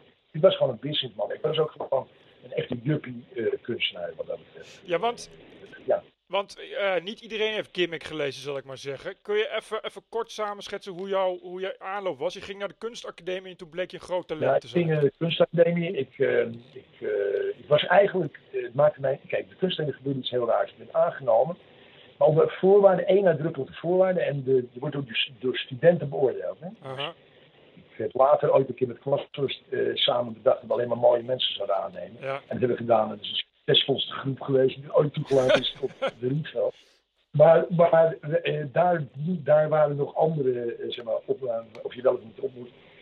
En ik weet wel dat ik daar dus in die toelatingscommissie was. En toen zeiden ze tegen me van ja, we willen je, maar we willen je, nee, we willen je niet toelaten, we willen je eigenlijk afwijzen. Toen zei ik van nou ja, jee, ik ben de 18, ik weet niet wat ik moet doen. Ik zit bij mijn ouders weer thuis. Ja. Ik was in Groningen, was ik. Ik wil gewoon het ook om te kunnen springen, weet je wel. Ja, maar je werk is beter dan wat we hier hebben. Het is beter dan het werk van de docent. Ik zeg, jezus man, dan... eh, Maar als je nou niet schildert, dus je talent niet laat verknallen door die uh, schilderkunstafdeling, maar bijvoorbeeld andere dingen gaat doen je hele studie, dan mag je, mag je wat ons betreft erop, maar dan gaan we je wel controleren. Er waren drie mooie meiden die er in de commissie zaten. Zo erg was dat niet later. Maar uh, uh, ik ben dus inderdaad al het andere gaan doen dan schilderkunst. Ik ben bij mode en architectuur begonnen. Ik heb grafische vormgeving gedaan. En uiteindelijk ben ik dus bij de afdeling van Jos Houweling terechtgekomen. Uh, dat was audiovisueel. Dat was toen net, in 1974, 75, was dat het sleutelwoord. Als je audiovisueel was, dan mocht je de mat zo in. Ja, ja, ja, ja, ja, ja, ja, ja. Dat was het. Dus uh, maar goed, ik was dus die afdeling, er zat iemand als Velafsky, zat daar, die zangeres. Uh, ik geloof dat de, de, Gerrit Jager. Er waren gewoon strip, striptekenaars, maar ook artiesten. Andere soorten artiesten die daar onderdak vonden. Schrijvers, dichters, pantomimespelers, whatever. En ik ben daar eigenlijk met mijn muziek bezig gehouden. En ik heb dus heel veel muziek gemaakt met mijn band. The Young Lions. Daar heb ik ook veel succes mee gehad. Daar heb ik platen mee gemaakt met Plurex, het label van uh, Valentin Edendorf, van uh, de Minipops. En ik ben later ben ik overgestapt op een andere band die eigenlijk nog veel succesvoller was internationaal. En dat was Suspect. Uh, slaaploze nechten werd het later, toen ben ik uitgegaan. Maar daar heb ik een, uh, een jaar of twee mee rondgetoerd door Europa. En uh, uiteindelijk in Berlijn afgehaakt tijdens de plaatopname van de laatste plaat. En daar heb ik, want ik merkte namelijk, ik vond muziek heerlijk. Ik zong, ik speelde eerst drums en zong. Toen werkte dat niet zo goed. Mijn ritmes waren een beetje gestoord. Je kon niet en drummen en zingen tegelijk. Maar toen dacht ik, ik moet het anders doen. En toen vond ik een elektronische bongo. Dus een Michel Whitefish-achtige kraakdoos die ik op mijn borst kon hebben. En als ik een man van staal kon ik dan de knoppen toetsen en Uh-huh. spelen. En dat was gewoon een goed bongo drumgeluid. En daar traden we mee. Op, af en toe kwam er een radiostoring afheen. Maar goed, het was, het was, ik was daar fulltime mee bezig. Ik vond het ook hartstikke belangrijk. En er was toen, je had, en sprake was dus van een hele retro-tendens van muziek. Dus je had de mits, de tapes, uh, dit was Sovjet Sex, uh, Interior. Eindeloos wat bands. Ik ben oprichter mede van uh, Ultra geweest, de Ultra Avond in Octopus. In 1982 met Harold Schellings.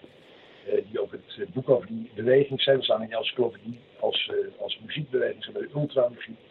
En ja, het is eigenlijk alles wat na de punk komt. En, en, maar goed, ik ontdekte dat ik eigenlijk niet muzikaal genoeg was om echt anderen precies te vertellen wat ze moesten doen. Dus echt stukken te schrijven. Mhm. Ik spreek, ik, ik, ik, lees geen noten en dat soort dingen. Dus dat ik, kan toch beter, dat was ik altijd blijven doen, teruggaan naar het schilderen. Ja. En toen ben ik met, met uh, mijn toenmalige vrouw, uh, vriendin Sandra Derks, wonen in een heel klein huis in de, de Haarlemstraat. En dan later een atelier gekregen op Prins Eiland of Vierwindenstraat. En we zijn begonnen met, eigenlijk omdat we geen ruimte hadden om naast elkaar te schilderen, om samen te schilderen aan dingen. Om beurten ook en doorgaand op elkaar spullen. En we hebben een heel groot project gemaakt. Rond 87, het kleurplatenproject. In die tijd heb ik natuurlijk tot Kraanberg Sorry, nee. In die tijd had je natuurlijk ook de kraakbeweging. Je hebt geen woning, geen Groningen. Dat is 89. Ja. Je hebt daarvoor de ontruiming van de Vondelstraat. Ja. Uh, dat zijn allemaal uh, momenten. Ik ben deel op de een of andere manier van de noodtelefoon van het krakersnetwerk. Ik zit niet in de kraakpark, ik maar mijn vrienden wel. Dus als er uh, alarm is, dan uh, komen er 2000 mensen uit alle delen van de stad naar dat punt toe en uh, doen mee aan de acties. Dat was enorm ja, functionerend. Je had heel veel onrechtvaardigheid in de stad. Dus aan de ene kant zware woningnood, geen geld, crisis. En aan de andere kant natuurlijk huisjesmelkers en leegstaande panden.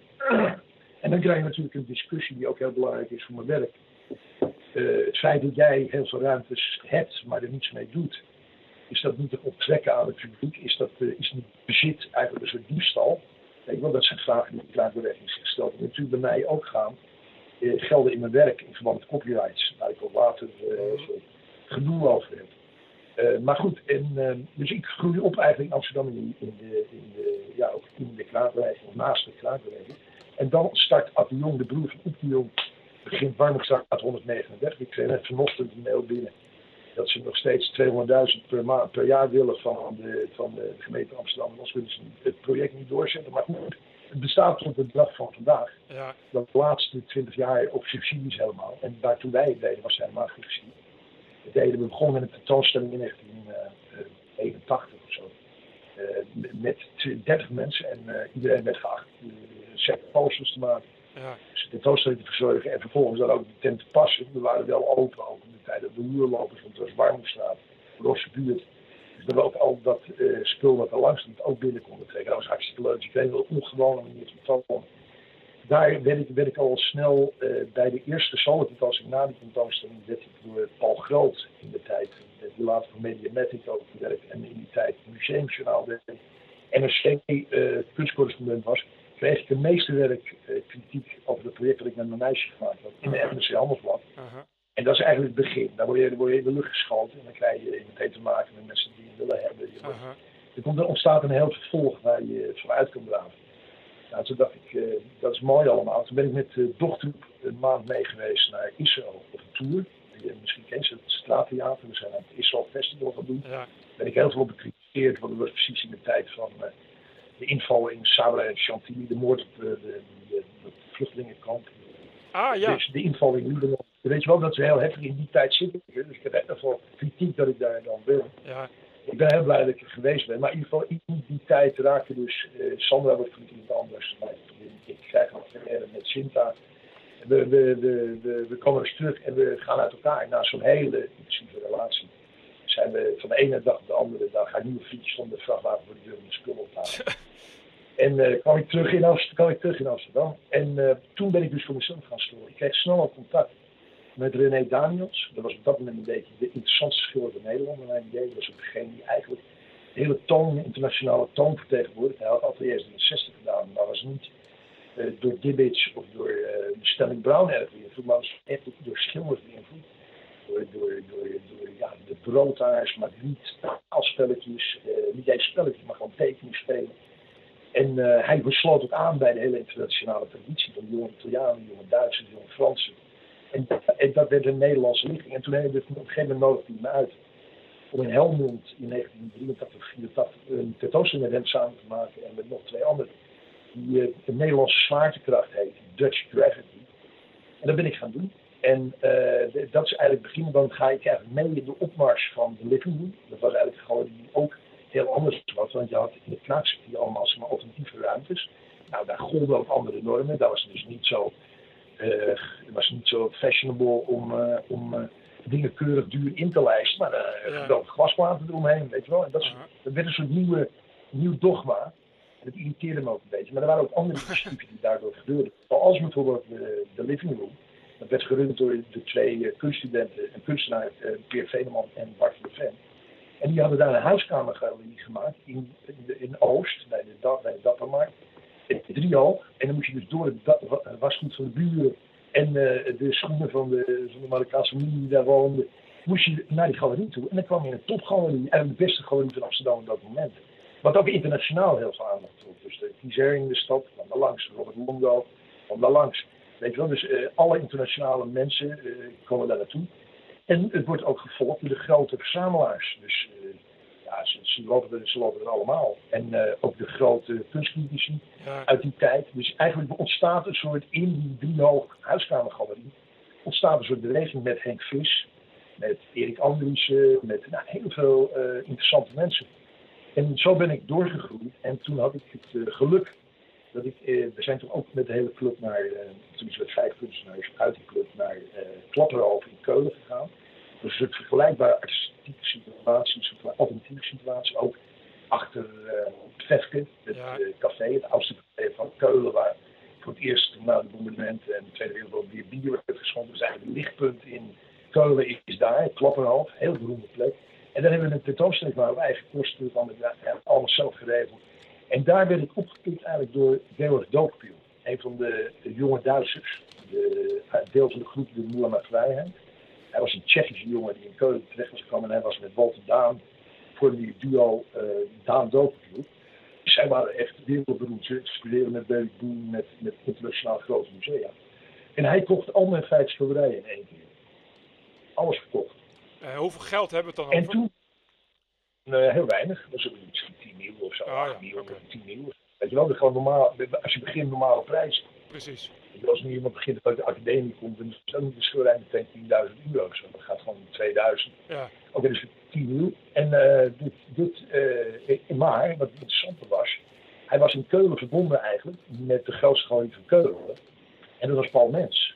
Paul Mens was een, eh, was een hele interessante homoseksuele, eh, ja, eigenlijk een man die oog had voor de traditie van het moderne. Hij was vastvertegenwoordiger van Kiever, van Luciano Fabro, van alle grote namen. En eh, ik, hij vroeg me om eh, bij zijn te komen. Hij reed naar Amsterdam toe tijdens de eerste kunstbeurs in de RAI. En we, ik heb daar een grote tentoonstelling gemaakt in 1986 die hartstikke succesvol was. En ja, toen is het eigenlijk allemaal gaan rollen. Ik werd uitgenodigd door Jan Hoet. Eh, Jan Hoet kwam bij de studio uit België. En die eh, zei, ach, eh, je zet, eh, je zet een Belg. Dat zijn geen Nederlander. Dus nou goed, toen ben ik eh, door hem eh, gevraagd om deel te nemen als jongste deelnemer. Samen met Juan Munoz, een hele goede beeldhouwer. Die een goede vriend geworden is.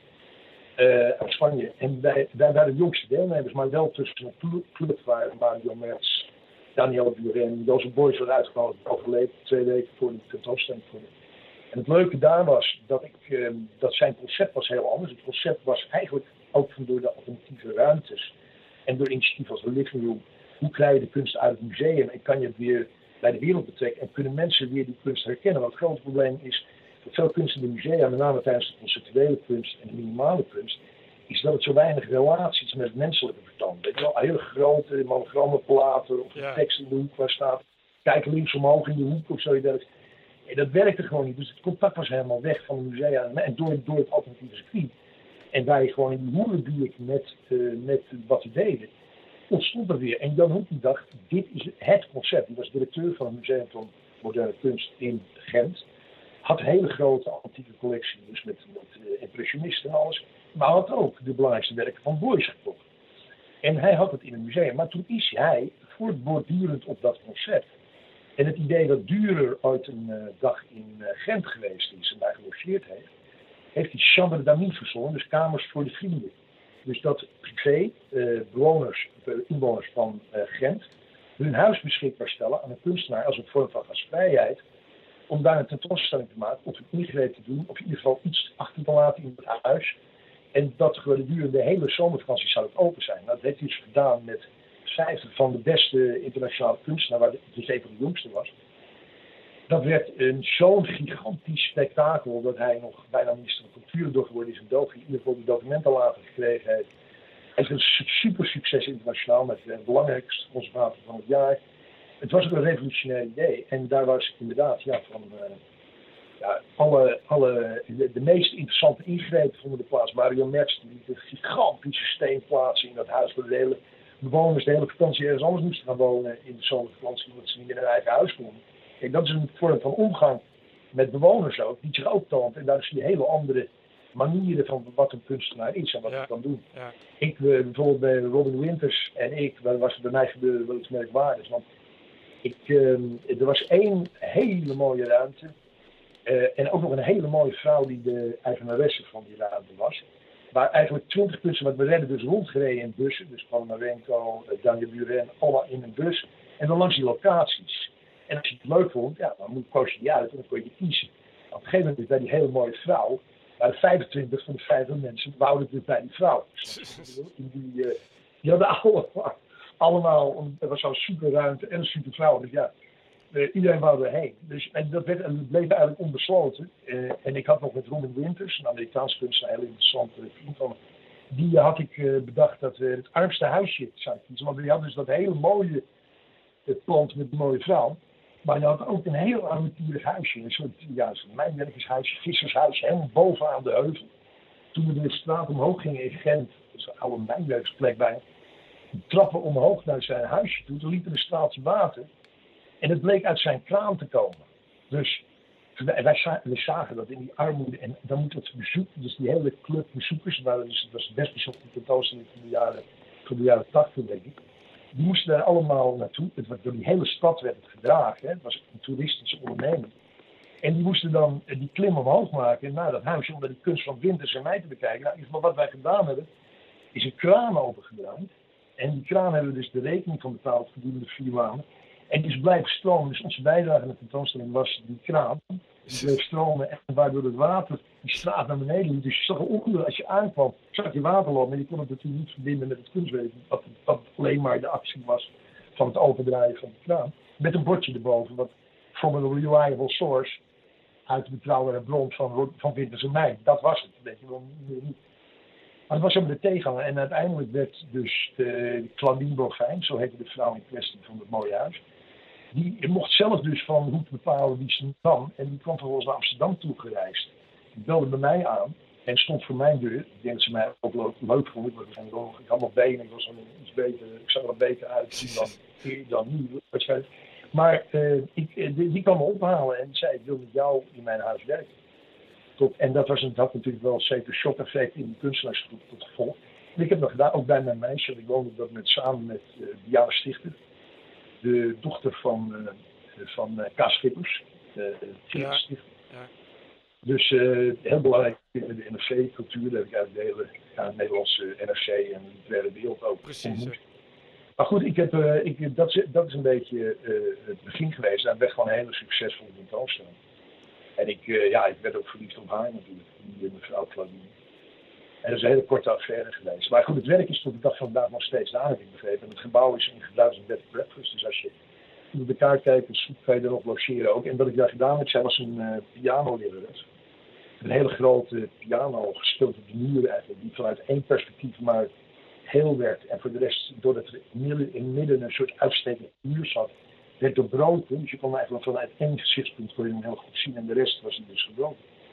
Dat heb ik dan nu verschilderd. C'est toi qui felle muziek is de titel van het Dus uh, ja, dat is over, uh, Gent. Maar, maar wat, wat het eigenlijk was, is ook, uh, en dat is zo weg vandaag de dag, en helemaal ondergeslipt in ja, in, uh, in zeg maar, politiek correcte subsidiekunst. Uh -huh, wat daar was, was echt een probleemstelling van hoe, wat is kunst nog als je het uit de context van een museum haalt. Je hebt, je hebt in de jaren 12, je hebt op een gegeven moment Marcel Duchamp in de 20 jaren die het fietsuur in een museum zet, zet het fietsuur op een.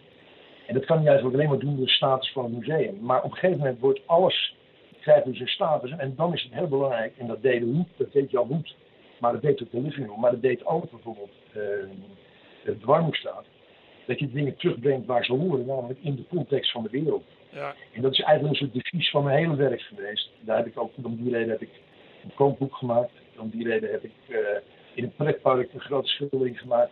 Weet je, juist om te testen hoe het is buiten de uh, context van een museum. Want die eigenlijk alles tot dat culturele niveau verheft, is het heel belangrijk om te kijken wat er gebeurt als je in normale omstandigheden een grote steen in de huiskamer van een gezin werkt heel ontwrichtend en negatief voor een gezin. Begrijp je wat ik bedoel? Ja, ja. Terwijl andere beiden juist alleen maar positief zijn. En dat is juist zo mooi, want daardoor snap je beter dat zo'n marionet dus een museum nodig heeft om inderdaad uh, ja, die waardeloosheid van het museum en die onbetrokkenheid heeft ten aanzien van de wereld. En uh, dat, dat maakt, dat, ik denk dat dat nog steeds in de kern vandaag de dag het probleem is. En ik herken dat ook bij jonge kunstenaars, die ook, uh, zoals bijvoorbeeld Daan Sanson, een vriend van jou, ja, ja, ja. Mij, die ik dus een heel, uh, heel belangrijk iemand vind.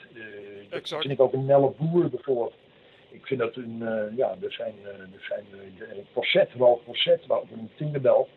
Die zijn bezig die traditie aan het voortzetten. En dat is volgens mij nog steeds eigenlijk de, de belangrijkste vernieuwde traditie. Ja, maar er zijn er zo Ja, weinig. dus- Dat zei je net zelf al. Het is allemaal politiek correct gesubsidieerd. Ja, dat is het probleem. Het probleem dat er gebeurd is in 82, ik weet ik wel, dat de DDR afgeschaft werd, werd door Brinkman. En dat hij toen eh, alleen de topkunst wou eh, subsidiëren. Nou, ik heb toen één keer een subsidie aangevraagd, maar ik had al een andere subsidie met Erik Opdijn, die vuurkunstenaar. En die had ik, eh, doordat hij op mijn rekening kwam ik geen geld had, had ik die gedeeltelijk opgedragen. Dus ik moest die terugbetalen. Dus mijn eerste subsidie is he- geheel opgegaan aan het terugbetalen van de vorige subsidie. Dus, en dat is de enige subsidie eigenlijk die ik heb gehad, dat was een startstipendium. Maar daardoor is een hele nieuwe klasse van kunstenaars ontstaan. Die gewoon, maar dat heb je ook bij de literatuur, ook bij de fondsen. voor Nou, heel, heel erg. Die dus gewoon helemaal, ja, het is verschrikkelijk. Het zijn ook steeds dezelfde namen die dan Ja, in de commissie gaan. In de commissie gaan.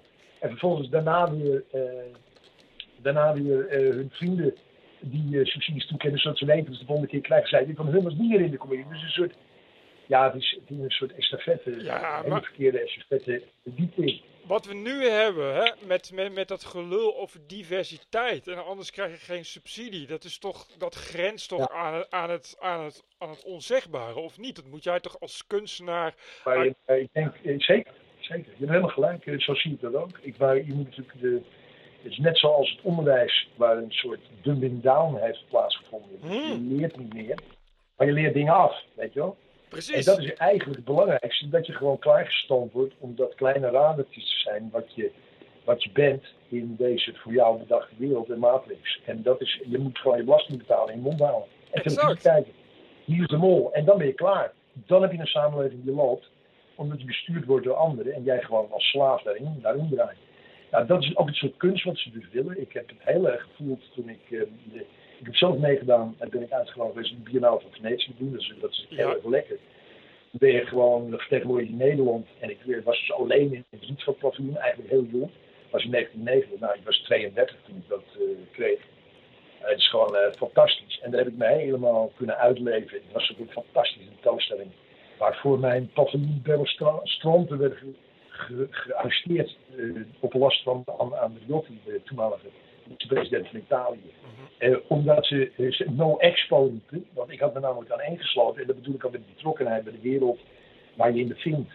Dus ik had me, eh, tijdens dat ik in Venetië aan het werk was, ik heb een maand of drie gewerkt aan het tentoonstelling, kwam ik dus tot ontdekking dat op de Academie Verdova, Emilie Verdova, was daar nog docent ook, dat, dat er mensen heel erg tegen de manier waren hoe ze het toerisme wouden behandelen in Venetië. Want je hebt eigenlijk een stad waar 20, 25.000 mensen van s'nachts slaapt, Ja. woont. En de rest zijn gewoon een half miljoen bezoekers per dag. Weet je, Ja. die doorheen walsen. Je had toen net dat concept van Pink Floyd gehad, dat al die monumenten er afbraken en instorten en beschadigingen aan. Weet je. Dus ik dacht, daar moet ik aan meedoen. Dat is gewoon goed, dat is belangrijk. Weet je, no expo. Dus de- geen wereldtentoonstelling in Venetië, want dat was die Gianni de, de, de, Dominici. Die was, nee, die heette anders. Nou, de, de Michelis was toen Michelis, dat was later de, de minister van Buitenlandse Zaken. Gianni de Michelis, die was burgemeester van, eh, van Venetië en die had bedacht dus al die kanaaltjes, dat daar langs eh, loopbanden moesten komen. En van die roltrapjes over bruggen heen en zo. En dat zou hij de hele stad mee volleggen. Gewoon het toerisme, de- eh, Prachtig. eigenlijk die stad vernietigend. Vernietigend voor die stad. Weet je wel? Dus toen had ik een groot schilderij gemaakt. Dat was eigenlijk mijn prominente stuk in een uh, Venetië tentoonstelling. Dat was een no expo stond er, geschreven in letters. Maar het was een heel, eh, helemaal, eh, die letters werden onzichtbaar als er een lamp werd uitgedaan. Dus het werd echt no expo. Snap je? Dus, en dat wisselde dan een knipperlicht erop staan. Dus de ene was dus no expo en heel wit doek. No expo, heel wit doek. Echt fantastisch. Maar de mensen die dat buiten tijdens de demonstratie, die plaatsvond tijdens de opening, schreeuwden. Er zijn 15 mensen gearresteerd op dat. Jim, Jim Lamoré heeft een prachtig stuk over geschreven. Maar goed, dat, dus dat, dat is mijn, uh, mijn uh, betrokkenheid. Maar hoe kwamen we erop? Dat had te maken ja, met, met, met. Nou, eventjes uh, in vervolg daarop heb ik, omdat het niet meer zo is dat je een commissaris hebt, van het buitenland die keuzes maakt. Wat was toen wel. Dat was in dat ik uitgezonden werd voor de Biennale van Venetië, was dat Gijs van Tuil. Later de directeur van het Rijksmuseum, die, hele, die de hele verbouwing van het Stedelijk Museum, sorry, die de hele verbouwing van het Stedelijk Museum in stedelijk dus uh, gewoond heeft in de Verwaardingsstraat. Als enige, dus dat grote pand woonde die. En het museum zijn geheel was verhuisd naar opslag en naar uh, het station waar het oude PTT-ruimtes als tijdelijk museum werd. Het museum is voor 12 jaar dicht geweest, of 10 jaar dicht geweest. Maar goed, dat was dus, uh, dat was dus uh, Gijs van. Maar tegenwoordig is er dus een open inschrijving. Nou, daar gaat het over. En die inschrijving wordt beheerst door het Mondriaan Fonds. Toen heb je horen wat er gebeurd is. Ik heb toen met uh, Mark Bijl, misschien jou wel bekend, uh, ken Mark? Mark Bijl en zijn werk? Uh, ik ken Nee, hem alleen, ik ken hem Moet je alleen van naam, maar ik geen... eh, Oké, okay, hij is echt een bijzonder goede kunstenaar. eh, Een hele goede fan. En ik, had, er- ik, ik dacht eerst, ik ga Daan presenteren, eh, Samson, Posset eh, en, eh en eh, Tinkerbell als Ja. een soort groepstentoonstelling. Als plan, want ik ben natuurlijk oud gediende. Ik weet hoe het gaat met de bootjes. Ja. Ik weet hoe, waar je op moet letten. Ik weet waar de goede restaurants zijn. Ik ik ben de aangewezen persoon om commissaris te worden voor show, zo'n show en deze mensen te presenteren als museumdirecteur. Weet je wel, mijn eigen museum Den Helder. Dus dat, dat doe ik. Maar ik, ik weet, dat kreeg ik niet echt goed voor elkaar op de juiste manier. Dat ik denk, ik maak gewoon keuze voor één iemand die gewoon het kan doen en die internationaal bereid voor is. Dat is Mark Bijl, dat is een van de internationaalste kunstenaars die we hebben. Woont in Berlijn en is, is supergoed in eh, wat hij doet. Dus ik dacht, we maken met hem een, eh, een plan. En het plan werd ingeleverd als dus eh, het plan voor het Mondriaan-fonds voor de, voor de, de biennale. Ja. Nou, dat is dus hopeloos afgewezen geweest. in één keer. Het was het enige, enige plan wat, wat had moeten doorgaan vinden. Ik wil niet in Borstel maar ik had op dat moment, zo heb ik ook die tentoonstelling van mij, Venetië, precies het juiste moment gekregen. Want dat is ook belangrijk, dat het niet te laat in de loopbaan is en ook niet te vroeg. Ja. Maar het precies het moment is dat je die internationale stap aankan. Dat heb ik gehad echt op het goede moment. Bij mij werd het dan vier jaar later, werd ik, uit, werd ik gewoon neer, werd ik afgeknald, zeg maar. Dat verandert sowieso alles. Dat je als invalide natuurlijk heel anders in de kunstwereld past. Ja. Maar, eh, maar bij, bij, bij hem zat het helemaal op het goede moment. En ze hebben het niet gedaan. En ze hebben toen wel iets heel vervelends gedaan. En dat toont echt helemaal wie ze zijn. Toen hebben ze dus inderdaad een. want je hebt dus genderneutraliteit natuurlijk ook qua rassen. Dus dat is ook. Zeg maar, ook eh, is het anti-racisme-agenda. Ja, hebben ze ja, gedaan ja, ja, zwarte ja. kunst. En ze hebben dus Stanley Brown, die dus overleden was, in een groepstentoonstelling gepland met Ta- Natasha Kinsmil of met anderen, maar in ieder geval met een aantal kunstenaars die portretten maken, Surinaamse dingen en zo. Oké, dat werd het dus. Maar ze hebben Stanley Brown gewoon opgevoerd in het plan zonder zelfs maar met zijn weduwe te praten. Dus toen het plan uitkwam, bleek dus dat Stanley Brown zijn deelname had gewonnen aan eh, Venetië. Maar die hele Stanley Brown die had daar nooit van zijn leven aan meegedaan. Die zo zuiver en zo precies. En die vrouw, zijn, zijn erfgenamen natuurlijk ook. Dat is heel terecht. Dus een, dan moet je nagaan dat er dus een plan gepresenteerd wordt waar niet eens gevraagd is of degene die in het plan beschreven staan ook daadwerkelijk bereid is om mee te doen. Ja. En dat je dat dus als instituut ja tegen zegt. Ah, Schandalig. Schandalig. schandalig. Hoe kan het toch dat het zo is veranderd? Waar is het misgegaan, Ja. Rob? Ik denk dat dat, ik denk dat, dat een hele eh, harde agenda is die nog veel ouder is. Hoe oud? Dus ik denk dat we de hele agenda, Ja. nou, de echte agenda is van altijd. Dus de echte agenda is van altijd, ja. En het plan, denk ik, om dit zo te doen, is denk ik, is van 17, 1780, 90, zo die tijd. Dus, eh, dus eh, bijna 200 eh, en meer jaar geleden. Dus dat wat, is, dat is het ding. wat is het Het plan plan? is om wereldheers.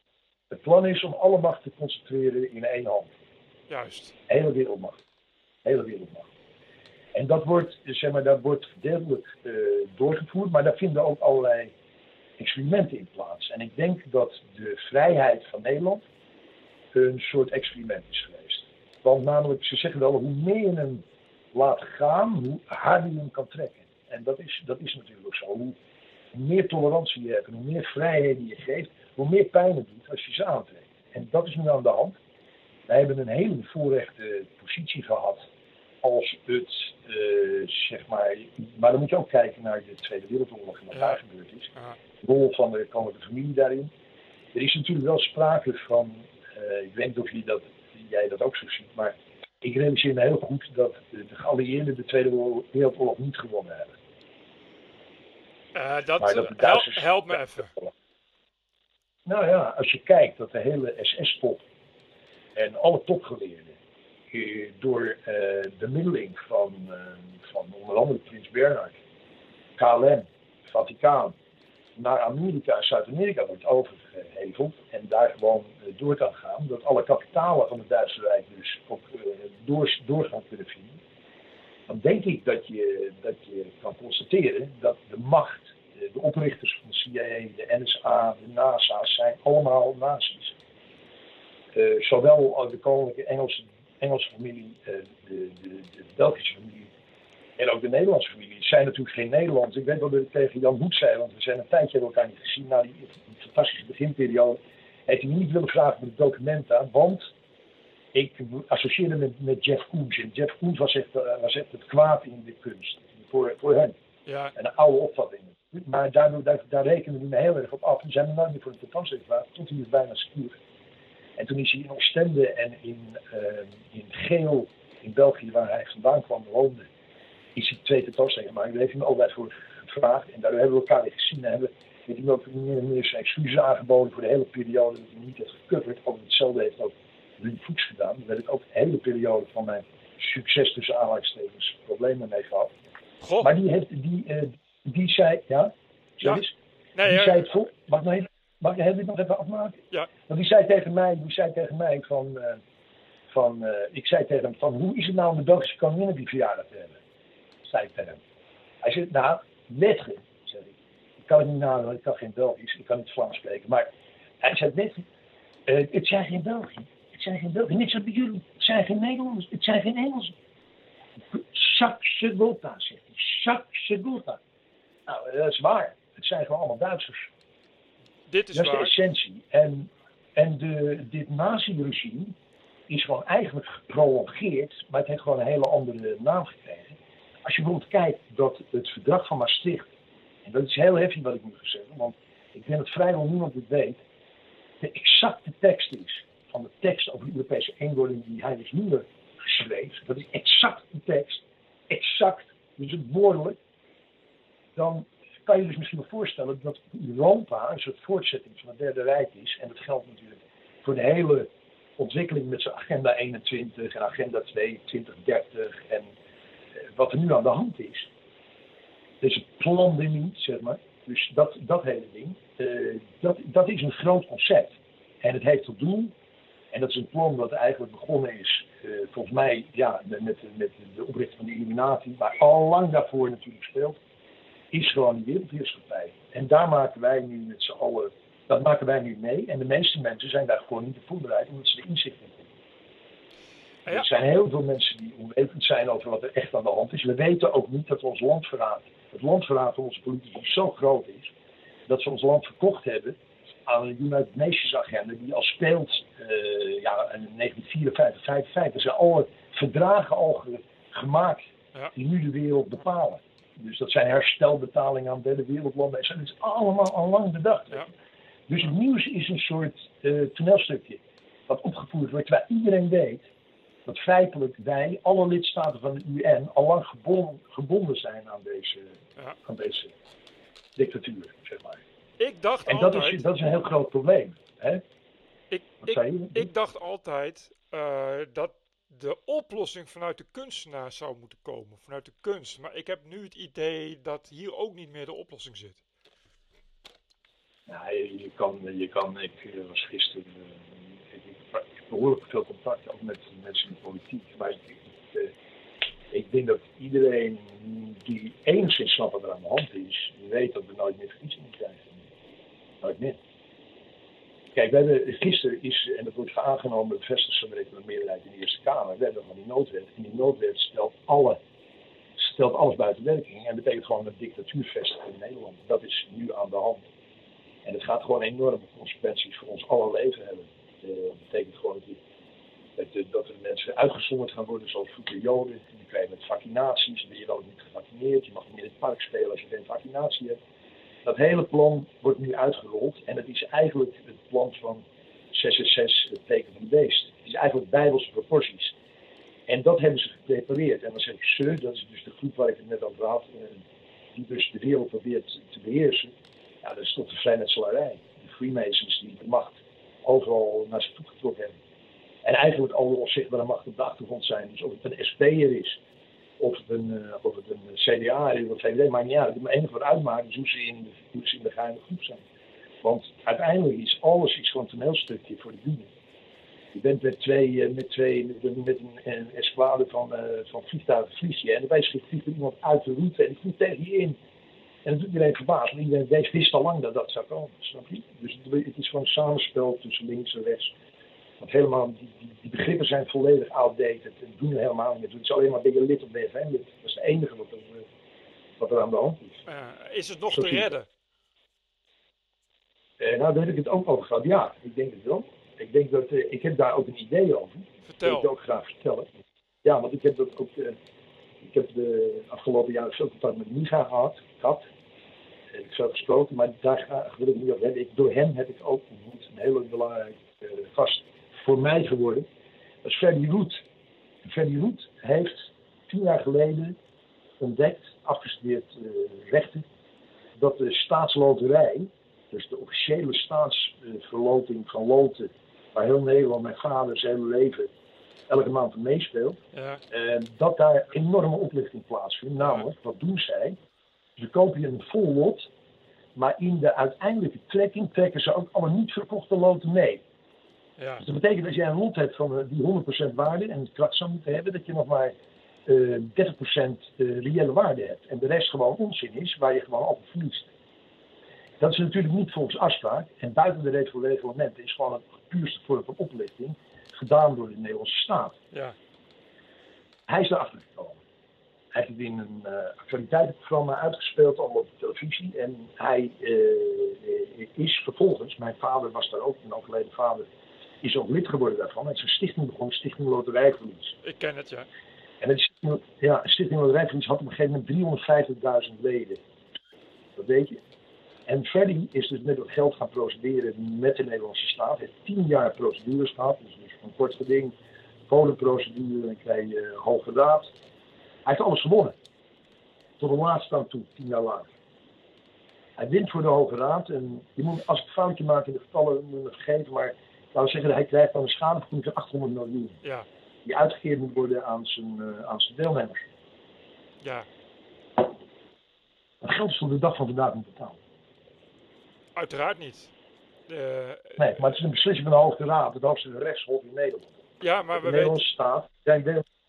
En wat is er wel gebeurd, de dag na het vonnis, gegeven als de datering niet helemaal klopt, doet de Belastingdienst het als in zijn huis. Hij wordt opgesloten wegens eh, belastingfraude. En hij zit anderhalve maand in de gevangenis zonder bezoek te mogen krijgen van zijn advocaten. Hij wordt, hem wordt alles afgenomen wat hij heeft. Zijn huis, zijn auto, al zijn bankrekening in beslag gelegd. En die toestand is hij tot de dag van vandaag mee aan het vechten. Nou zou je denken, wat heeft dat te maken met de oplossing Ja. met, de, met de politiek? Nou, dat zal ik niet zeggen. Wij zijn bevriend. Eh, we zitten te praten en dan leg ik hem uit dat ehm, een van de ideeën van de gele hesjes is, en dat is heel belangrijk. Er is, eh nou ben ik zijn naam even kwijt, die moet je me vergeven ook. Dus ik dacht, eh, in ieder geval, hij zit in Nice, hij is een, eh, hij is een, een leraar aan school. Hij heeft een plan bedacht, namelijk dat is om terug te komen in plaats van de parlementaire democratie. Te komen tot de oervorm van democratie voor de Grieken. Dat was niet een parlement. Dat was, en dat is heel anders, een loterij. Yep. Een loterij waarin dus 150 eh parlementsleden worden gekozen door de, de bevolking elk een lot te geven. En dat lot geeft ze dus aanspraak, als ze uitgewoond worden, om de zitting te nemen in het parlement en alle voordelen te kunnen krijgen die de parlementsleden hebben. Waarmee je een complete reset maakt van het parlementaire systeem. Dat is een geniaal plan. Het werd door Plato en Socrates en alle grote filosofen de oude ook de enige echte functionerende democratie genoemd. Waardoor je een totale reset van de macht krijgt. Dus niet meer de achterkamertjes, niet meer de vriendjespolitiek, niet meer de bevoordeling eh, die mensen elkaar de hele tijd gunnen. Waardoor je altijd hetzelfde clubje terugkrijgt, hetzelfde posten. Waardoor ze elkaar af, af kunnen dekken. Waardoor al die doodpotters zijn geboren Ja, in ja. Nederland die tot de dag van vandaag duren. Maar een complete reset betekent gewoon een hoertje op, eh, op ja, het ministerie van Landbouw en Visserij. En een, eh, en een, eh, een, begrijp je? Dus gewoon een, een, een, een, een vishandelaar op economische zaken. Kijk, er wordt altijd van uitgegaan dat mensen, dat er een bepaalde kwaliteit nodig is om minister te worden. Nou, ik denk dat het tegendeel waar is. Ik denk dat de mensen die op dit moment minister zijn, het minst gekwalificeerd zijn van allemaal om dit te doen. En het komt door hun belangen. Dat komt door de belangen die ze vertegenwoordigen. Kijk, die jongen Ja, tegenwoordig de belangen van zijn broer en van allerlei grote, eh, grote medische bedrijven, ja. maar niet de belangen van de mensen. En dat is het grote probleem over de hele linie met alle departementen. Dan ook nog die ambtenaren die allemaal vastzitten daar op de meest grote posities, jarenlange dictaturen binnen die ministeries hebben gemaakt, waar je niet meer wegkomt, waar de minister gewoon gehoorzaam aan moet zijn. Dat heb je ook bij gemeenteraden, waar de gemeenteraad eigenlijk de basis is in de gemeente, de ambtenarij eigenlijk alle beslissingen neemt en doorvoert en de gemeenteraad niet meer dan een soort stempelklus is. Nou, dat, dat eh, oké, dus deze Chouard heet hij. Chouard is de, is de man. Ik, eh, Ja. ik kan je, ik kan je wel dingen over hem maar hij heeft dus bedacht dat het terug moet. De loterij als principe. Nou, ik zat dus te praten, ik vertel Ferdy dit verhaal, Ferdy Roet van Stichting Loterijverlies. We kijken elkaar aan en we vinden allebei verschrikkelijk te lachen. De loterijpartij. De loterijpartij. Oké, een partij die is gewoon uh, de loterij als het enige rechtmatige principe beschouwt van een democratie. De oerdemocratie, de loterij. Iedereen gelijke kansen voor de macht. Oké, het probleem in Nederland, want ik ben daarna natuurlijk uh, gaan praten. Ik heb verschillende partijen gesproken, ook grote jongens in, in het hele veld. Om te kijken hoe je dit in de wereld kan zetten. Maar het grote probleem is dat een staatsrechtelijke verandering heeft ongeveer zes jaar nodig om doorgevoerd te raken. Dus je hebt zes jaar moet je kloten binnen het huidige politieke systeem naar één ding. Ik denk werkelijk dat alle verkiezingen na de Tweede Wereldoorlog gefraudeerd zijn en dus uh, uh, geen eerlijke resultaten hebben gedaan. Dat denk ik werkelijk. Als je bijvoorbeeld kijkt de laatste verkiezingen die ik heb meegemaakt. Het is gewoon zo dat het enige waar het om gaat niet is wie er, wie stemt, maar wie er telt. Degene die telt is de baas van de uitslag. Dus als je nou ziet dat in heel Noord-Holland alle verkiezingsboxen zeg maar, met stemmen naar uh, Den Helder zijn gegaan. En daar vindt de definitieve telling plaats van al die uh, tellijsten die de diverse kantoren hebben gemaakt. De definitieve telling is gedaan onder voorzitterschap van de man, een VVD'er, een Schuiling, die mij het pand uit heeft gezet. Ik, ik wou net zeggen. En ik ken, de, ik ken de oneerlijkheid van deze man. En ik ben er dus echt heilig van overtuigd dat de hele dienst van de VVD kunstmatig is. En dat dat eigenlijk voor alle verkiezingen na de Tweede Wereldoorlog zou geweest Want stel dat democratie werkelijk zou functioneren, dan zouden ze hem afgeschaft hebben. Uh... Ja, zeker. Als hij effectief zou zijn, zouden ze hem net zoals een referendum afgeschaft hebben. Precies, ja. Hij is dus niet effectief omdat ze hem gewoon beheersen. Ze vervalsen de uitslagen permanent. Dat is een grote beschuldiging die ik doe, maar ik sta daarvoor. En ik, uh, ik meen ook echt wat ik zeg. Het is geen, er is nu opnieuw een initiatief vanuit Viruswaanzin, onder andere een, een goede gast die ook een prachtige speech heeft geleverd, uh, voorgedaan ten einde tijdens de lockdown, Bas Filipini. En die heeft een nieuwe partij gemaakt, moet sociaal en rechtvaardig of zo. Maar het probleem is, en het is ook met het, met het Forum voor Democratie, met, met alle andere initiatieven die er zijn geweest, Trots op Nederland, et cetera. Het is elke keer moet je je voegen naar de regels. En die regels zijn eet van trouw aan de koning. En daarmee is het allemaal afgelopen. Ja. Begrijp je? Ja. Want eet van trouw aan de koning betekent gewoon dat je bewust moet meeliegen als je ontdekt dat die verkiezingen gefalsificeerd zijn. Ja. Dat is de trouw. Nu, Maar- geen trouw aan de grondwet, geen trouw aan, de, aan het volk of aan eh, de wetboek. Nee, niet. Aan iets heel anders. En dat is ook zo bij de advocatuur, alle advocaten. Ook zo, maar ook voor, voor, ja, voorbij een hele krijgsmacht, et cetera. Dus ik denk dat het nodig is iets heel anders. Dus met andere woorden, wat ik wil zeggen. Ik, ben, ik, ik denk dat het, en het is mijn conclusie echt, en ik denk dat het niet meer verandert. eh, is dat het geen enkele zin heeft om mee te doen aan hun spel. Want eigenlijk het feit dat jij meedoet met verkiezingen en stemt, is eigenlijk dat je hun erkent als jouw meester. En dat verdom ik. Want het is niet acceptabel meer. Deze, deze, deze machtsuitoefening is niet acceptabel meer. Daar zijn alle rode strepen en strepen overschreden. En wat ga je dan nu doen om het te veranderen? Of wil je niet meer eh, veranderen? Dat weet, nee, dat, dat, ik weet geval dat ik één ding weet. Dat je dat niet met iedereen kan doen. Dus dat, dat het echt wel zo moet zijn dat als je samenwerkt met mensen, dat ze dus gewoon door wie ze zijn en wat ze gedaan hebben, bewezen hebben. Niet zozeer dat het maar dat is gewoon dat je met een sterke club werkt. Want het probleem is natuurlijk elke keer opnieuw dat je uitgespeeld wordt. Dat is natuurlijk ook met Ba- Baudet en met eh, Hin- Helema gebeurd. Ik ben natuurlijk Ja, totaal van mijn geloof in eh Baudet gevallen toen hij dus een openingstoespraak begon. Met eh, het kloppen van de uil van Minerva. Ja, dat, dat, ik weet wel hoe dat zit. Voor mij ben je dan weg. Dat is gewoon dat je laat zien hoe het echt zit. En, en dan weer in your face en dan weer door net zo niks aan de hand is. Ja, bij mij gaat dat nooit meer over. Dus voor mij is dat duidelijk. Maar ik denk ook alle nieuwe initiatieven. Dat je gewoon, dat, is, dat, is weer, dat werkt niet. Nooit. Dat kan niet Nee. meer werken. En veel mensen die dus nu in het systeem tegen die lockdown en tegen de eh, maatregelen zoals die nu genomen worden met die spoedwetten zo opereren, zoals bijvoorbeeld Willem Engel. En anderen die hebben hun geloofwaardigheid nog niet verdiend. Snap je? Je weet niet precies wie ze zijn nog. Er Nee. moet ook blijken hoe het karakter, hoe ze omgaan met teleurstelling. Maar iemand als, eh iemand als Roet en anderen die ik ken, en die namen nu niet op, ik had nu even als voorbeeld, die, Ja. eh, die hebben dat ook. Begrijp je? Die hebben gewoon hun sporen verdiend. ja. Paul van Buitenen, daar hoef ik niet, hoeft niemand meer voor mij uit te leggen wie die man is. Die heeft gewoon De de, die is gewoon Paul van Buitenen en die staat gewoon voor wat het staat. Die heeft Enschede uitgezocht, dat Ja. klopt, het hele verhaal. Ja, de absolute onwil van de, van, uh, van de staat om één moment werkelijk te erkennen wat daar echt aan de hand was geweest. Nou goed, maar die man die heeft zijn sporen verdiend, die is voor buiten discussie. Je wat ik bedoel? Ja. Dat was Dick Berts, is buiten discussie. Het zijn jongens die in de tijd, Bram Peper doet vallen op de bommetjes. Gewoon de beste journalisten van Nederland. Ja, ja, ja. Dat zijn mensen die gewoon, die gewoon, die gewoon uh, staan voor wat ze staan. Ja, en ik denk dat, uh, dat ons gezamenlijke inzichten een soort, uh, een soort politiek zouden moeten veroorzaken de komende tijd. Die dus dit systeem toch onderuit trekt, zo erg dat we gewoon een oplossing kunnen bieden. Dat is namelijk de loterij. Ja. En de loterij ja, is gewoon het enige principe waar ik nog eigenlijk in geloof op dit moment. Maar niet via de staatsrechtelijke weg. Echt gewoon als noodoplossing naar een staatsgreep, zeg maar. Ja, Zo. maar dan, dan ja, revolutie dus. Ik denk dat, uh, kijk, uh, ik uh, was gisteren met iemand aan het praten, het ging ook over deze dingen. En die zei, ja, maar wij zeggen dus inderdaad niet strafbaar, want wij plannen geen revolutie. We zijn niet bezig met het organiseren van opstand. Maar ik bedoel, ja, gedanken zijn vrij, hè? Ja, precies. Bijna kan verraad. En dus ja.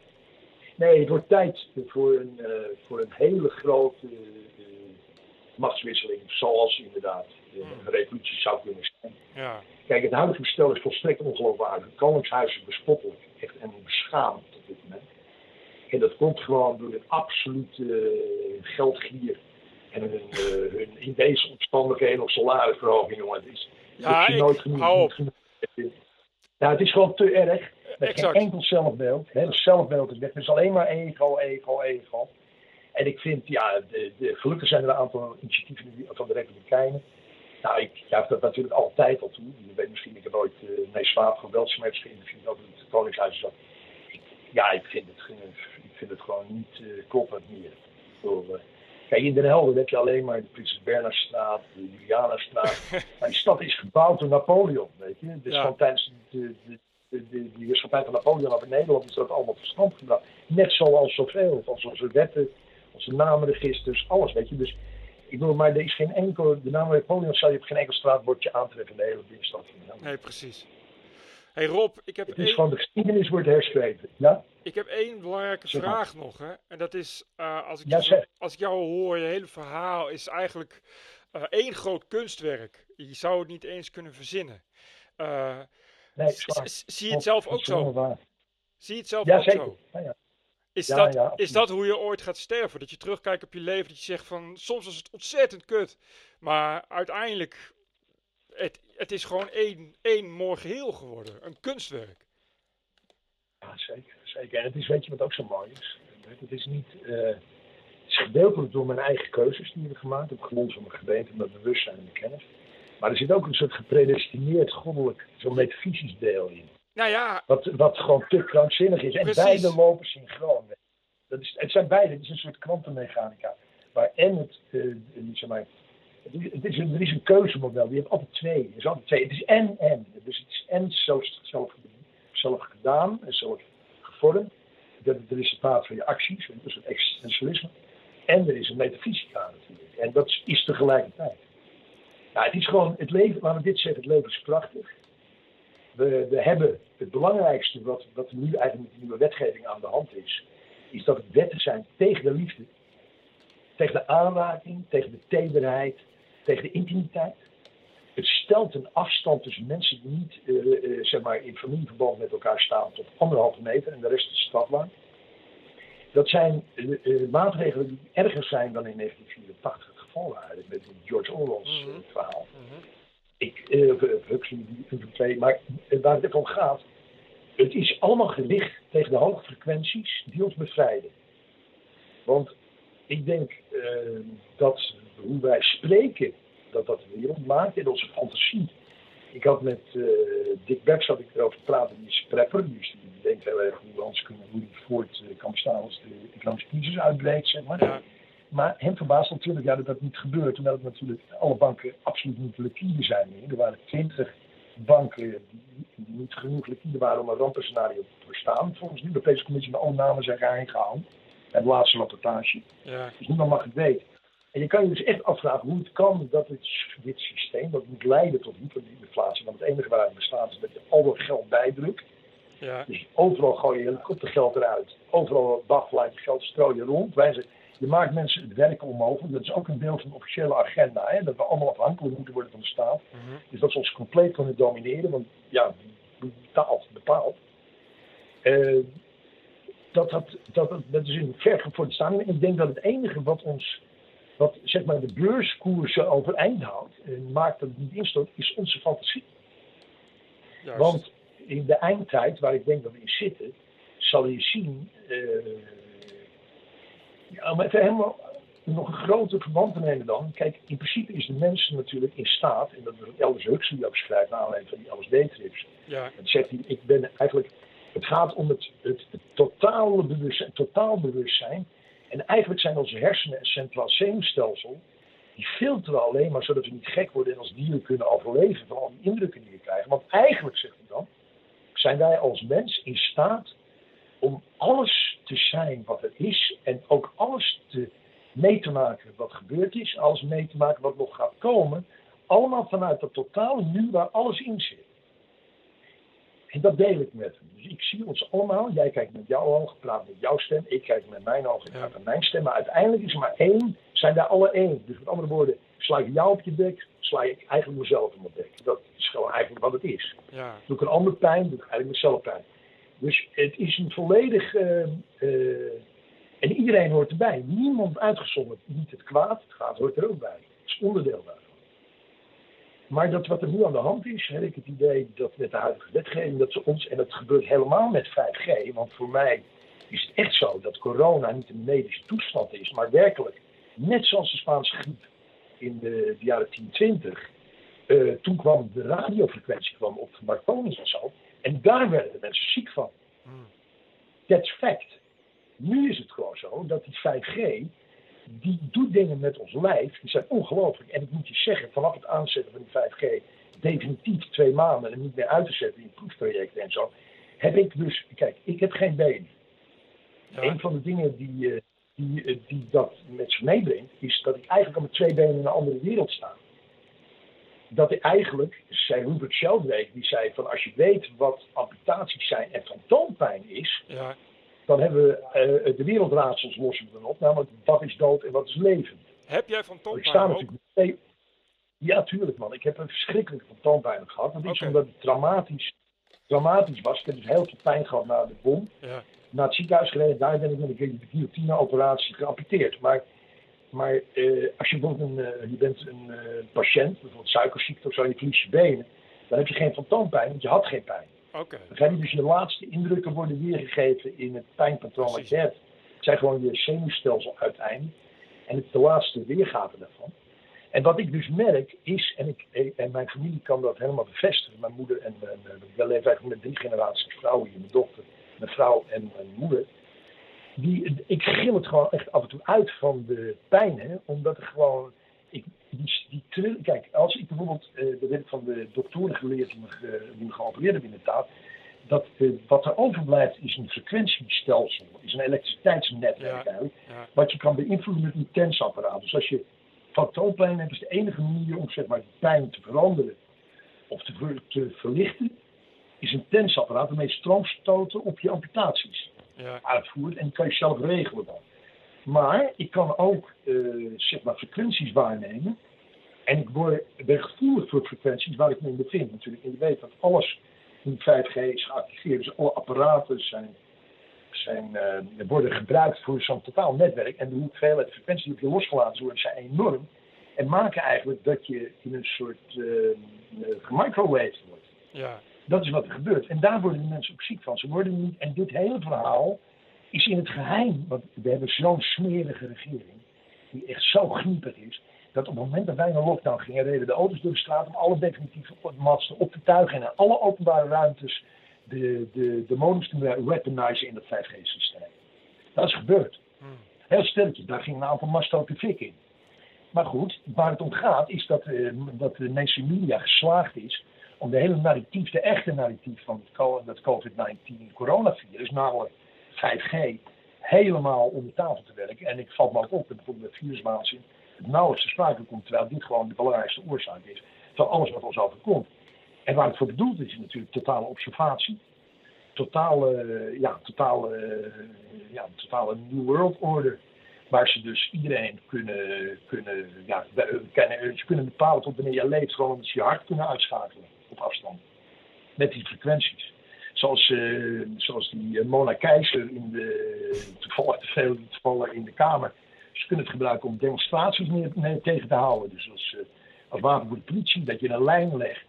En dat de demonstratie niet verder kan, dat kan. Maar het heeft natuurlijk alles mee te maken wie er aan de knoppen zit van dit soort apparaten. In principe hebben deze apparaten, net zoals een pistool, geen geweten. Ze hebben geen keuzemogelijkheid. Ze zijn gewoon een middel. Dus je kan het goed en je kan het kwaad gebruiken. Ook 5G kan je kwaad gebruiken.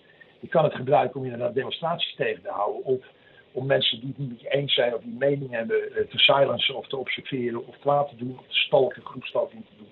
Maar je kan het ook gebruiken om pedofielen weg te houden van kinderspeelplaatsen en kinderdagverblijven. Ik bedoel gewoon, je zou er een hele mooie wereld mee kunnen maken. Maar we hebben dus mensen aan de knoppen die gewetenloos het alleen maar voor hun eigen ego, voordeel en financiën gebruiken. Ja. En dat is aan de hand, nu op dit moment.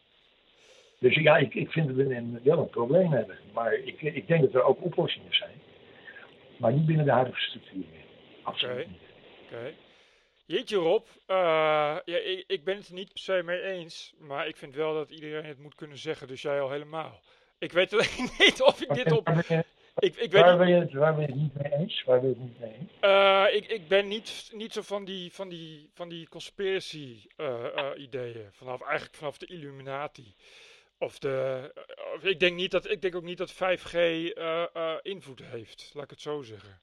Misschien ben ik wel te mainstream wat dat betreft, maar ik ben er geen, geen, geen geloof ja, ik denk, in. Ik denk dat het wel gevaarlijk is om weten te blijven. Dus dat zeker. Omdat het, wat zeg Gevaarlijk is om wat? Ik denk dat het gevaarlijk is, gevaarlijk is om wetend te blijven. Dat sowieso. Kijk, eh, dat, is, dat, is, dat denk ik dat ik dan kennis het enige is waarmee je jezelf kan bevrijden.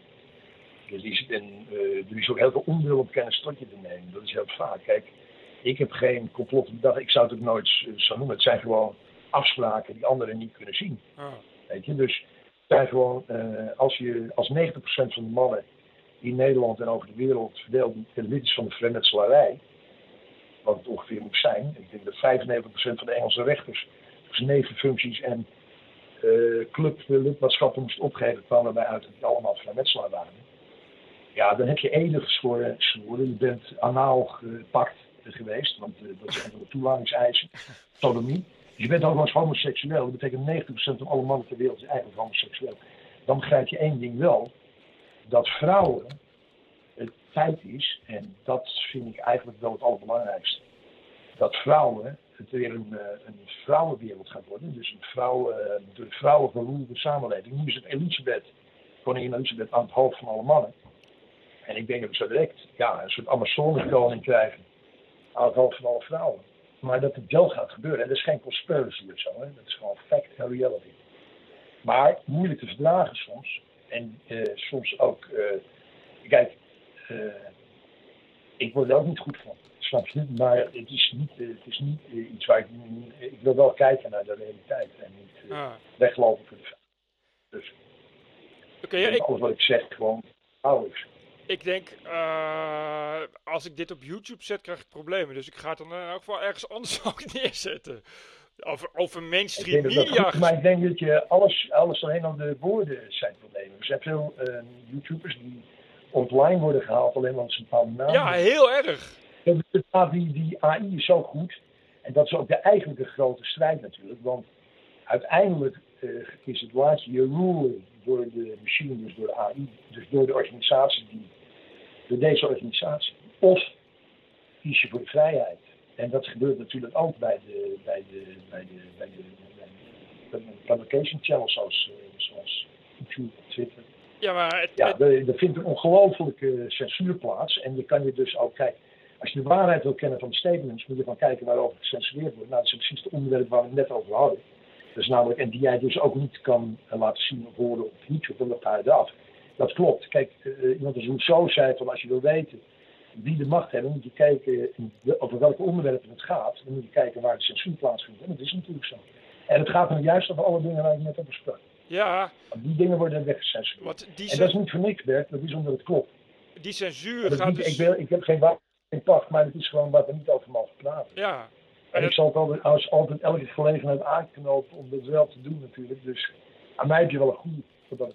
Nou, ik, jij hebt geen moeite om iets te vertellen, lijkt me. Dus ik bedoel, eh, we zijn nu eh, 1 1 uur Ja, ik 40 vind het heel jammer minuten. dat ik niet iets meer... Hè, wat zei je? We zijn, op, we zijn nu op 1 uur en 40 minuten, maar volgens mij kan het ook 14 uur duren als het aan jou ligt. Ja, maar dan vind ik het wel leuk om dat van jou te horen ook. Want het is, eh, ik heb toch wel een beetje ook... eh, want jullie staan altijd achter een betaalmuur, hè? Voor mij dus niet toegankelijk. Ja, ik Dat moet, vind ook, ik wel jammer. ik moet ook geld verdienen, maar ik, ik kan je wel een gratis abonnementje sturen hoor, dat is geen probleem. Maar dat is lief, dat is heel lief. want Dan kan ik je lezen tenminste. Ik kan het ook niet lezen. Ik heb af en toe ik wel wat eh, wegspeel van je site, denk ik. Ik weet niet wat gebeurd is, maar ik, eh, ik, in feite neem ik eigenlijk niet toe op dezelfde manier eh, als, een, als een oude kraker. Ja, Maar het is, heeft natuurlijk te maken met wat is eigendom en wat is, eh, wat is diefstal en wat is bezit. Dat is gewoon wat het ding. Kijk, weet je, het hele copyright wordt gebruikt om mensen de mogelijkheid te ontnemen om bepaalde kennis te verwerven. Het grote probleem dat je toen, toen bijvoorbeeld bij eh, vaccins voor eh, AIDS en zo en eh AIDS-medicijnen. Nou, er zijn gewoon landen die die, die copyrights, patenten, die, die, die, die, medicijnen onnodig duur maken, terwijl ze het zelf simpel zouden kunnen produceren en daarmee ja, bevolking ja, werken. ja. Eh, dat die wetten overtreden uit morele gronden. En dat geldt voor mij ook niet. Dus, ja, het is, het, weet je, we zitten totaal in het, in het, in het spel van vandaag. Dit is, dit, is, dit is de wereld en dit zijn de dingen die er eh, nu in discussie staan. En, eh, Maar het, het is goed dat die discussie gevoerd nog kan worden, toch? Ik ben blij dat je me aan het woord laat. Ik ben heel blij mee, dankjewel. En ik ben ook blij dat ik jou spreek. Maar ik had, wel, ik had ook wel, ik heb wel een paar vragen. Gewoon. Het leuk dat we contact hebben sowieso. En ik ben, jij, jij zei Josh Rogan. Josh Rogan. Dat vind ik inderdaad een hele goede interview. Ook omdat die mensen wel uitlaten. Weet je. En, Ja. dat, eh, en hij ook op alle, aan alle kanten van het veld. Of nou Adam Curry is. Of dat het, eh, dat het eh, Snowden is. Ja. vanuit Rusland. Ik wil, hij laat de mensen praten. En dat vind ik een super, super iets. Wat eigenlijk heel erg ontbreekt in Ja. Nederland. En met name komt dat door die duur van het gesprek ook. Niet, als je, een goed gesprek duurt, heeft gewoon een inleiding, een opbouw, Ja, conclusie, weet je. Dat is gewoon, dat moet je samen kunnen construeren. Want anders dan, ja, dan, dan ben je gewoon een, eh, een vlakte. En de dingen worden heel erg uit zijn verband gerukt. Maar dan ook nog, veel van de dingen, als je natuurlijk, je zal nooit lezen over de vernetselaar. Niemand. De vernetselaar bijt zijn eigen tong af. En dat is mijn meisje, die neemt eh, op. Eh, die belt, maar die laat ik even doorbellen. Dus, eh, nou ja, het is je Maar meisje. er- er zijn natuurlijk, er is een soort zelfcensuur over de hele wereld gaande. En dat Behoorlijk. geldt niet alleen voor, voor, eh, voor, eh, voor, steunen met eh, wat de moslimmop of zo. Dat geldt eigenlijk voor elk onderwerp waar we het nu over gehad hebben. Maar daar Ja. mag je niet over praten. Nou ja, maar het geldt dus ook voor de kunst. Zeker, het geldt voor de kunst. Absoluut geldt voor de kunst. Maar ook zelfcensuur is het thema eigenlijk daar. Maar Nou, ik ben wel iets heel anders aan het doen. Misschien interesseert je dat wel, Brett. Want het is eigenlijk... Ik ben heel happy met wat ik nu doe. Want mensen zeggen altijd, doe je nou iets creatiefs? Wat doe je? Wat doe je? Ja, of een kwast eh, vasthouden of zo. Nee, nee. Ik heb natuurlijk, net zoals jij, ook een eigen eh, site opgebouwd. Er staan nu iets van 10.000 stukken op. En ik heb eh, heel veel back- backup informatie natuurlijk over mijn eigen werk, over de geschiedenis, wat Ja. mij belangstellingen heeft, maar ook over de, de onderwerp waar we voor spraken, omdat het is iets wat voortkomt uit mijn ervaring in het leven. Kijk, ik heb natuurlijk meegemaakt hoe mijn, hoe mijn aanslag niet wordt opgelost, bewust. Er is geen enkel onderzoek plaatsgevonden. Dat eigenlijk midden die tegen de politie gewoon eh Ah. ja, bij daders hoort, snap je? Dus daarom wordt er nooit, zal er nooit iets gebeuren in mijn zaak. Ja, dat is natuurlijk niet alleen met mijn zaak zo. Dat is met de helft van de criminele Uh-huh, uh-huh. incidenten zijn op die manier, eh, komt dat tot oplossingen. Dat zie je ook weer in Holleden, hoe die weggestopt wordt. En hoe dat gaat allemaal. Dus Ja. er is heel veel. En dat geldt natuurlijk ook voor mijn, eh, voor mijn ontruiming. Die is, die is bevolen uitsluitend door de huidige burgemeester van Groningen, eh Koen Schuiling, die ook eh, voorzitter van de veiligheidsregio Groningen is. Dat betekent dat elke maandag gewoon met Rutte, het Grabberhaus en de jongen rond tafel zit. Ja, Nou, ik wil je één ding verzekeren. Deze man is volgens mij eh, klaar voor de gevangenis. Als je echt gaat zien wat hij, eh, wat hij op zijn leven heeft en wat hij uitgevreden heeft. Denk ik, ook in mijn geval. Want er staat gewoon op de verkneveling die ze bij mij toepassen, twee jaar gevangenisstraf. Hè? Dus, dus om, dat- om mij niet in staat te stellen mijn eigen boterham te verdienen, is strafwaardig. uh-huh, je? uh-huh, uh-huh. En zo gaat het maar door. Dus er zijn alle verbanden met mijn eigen leven. Maar ik eh, heb dat nu eigenlijk de ideale vorm eh, gevonden online eh, live action. En dat is met mijn Rutte-project. Heb je dat, heb je daar iets van gezien? Nee, maar vertel.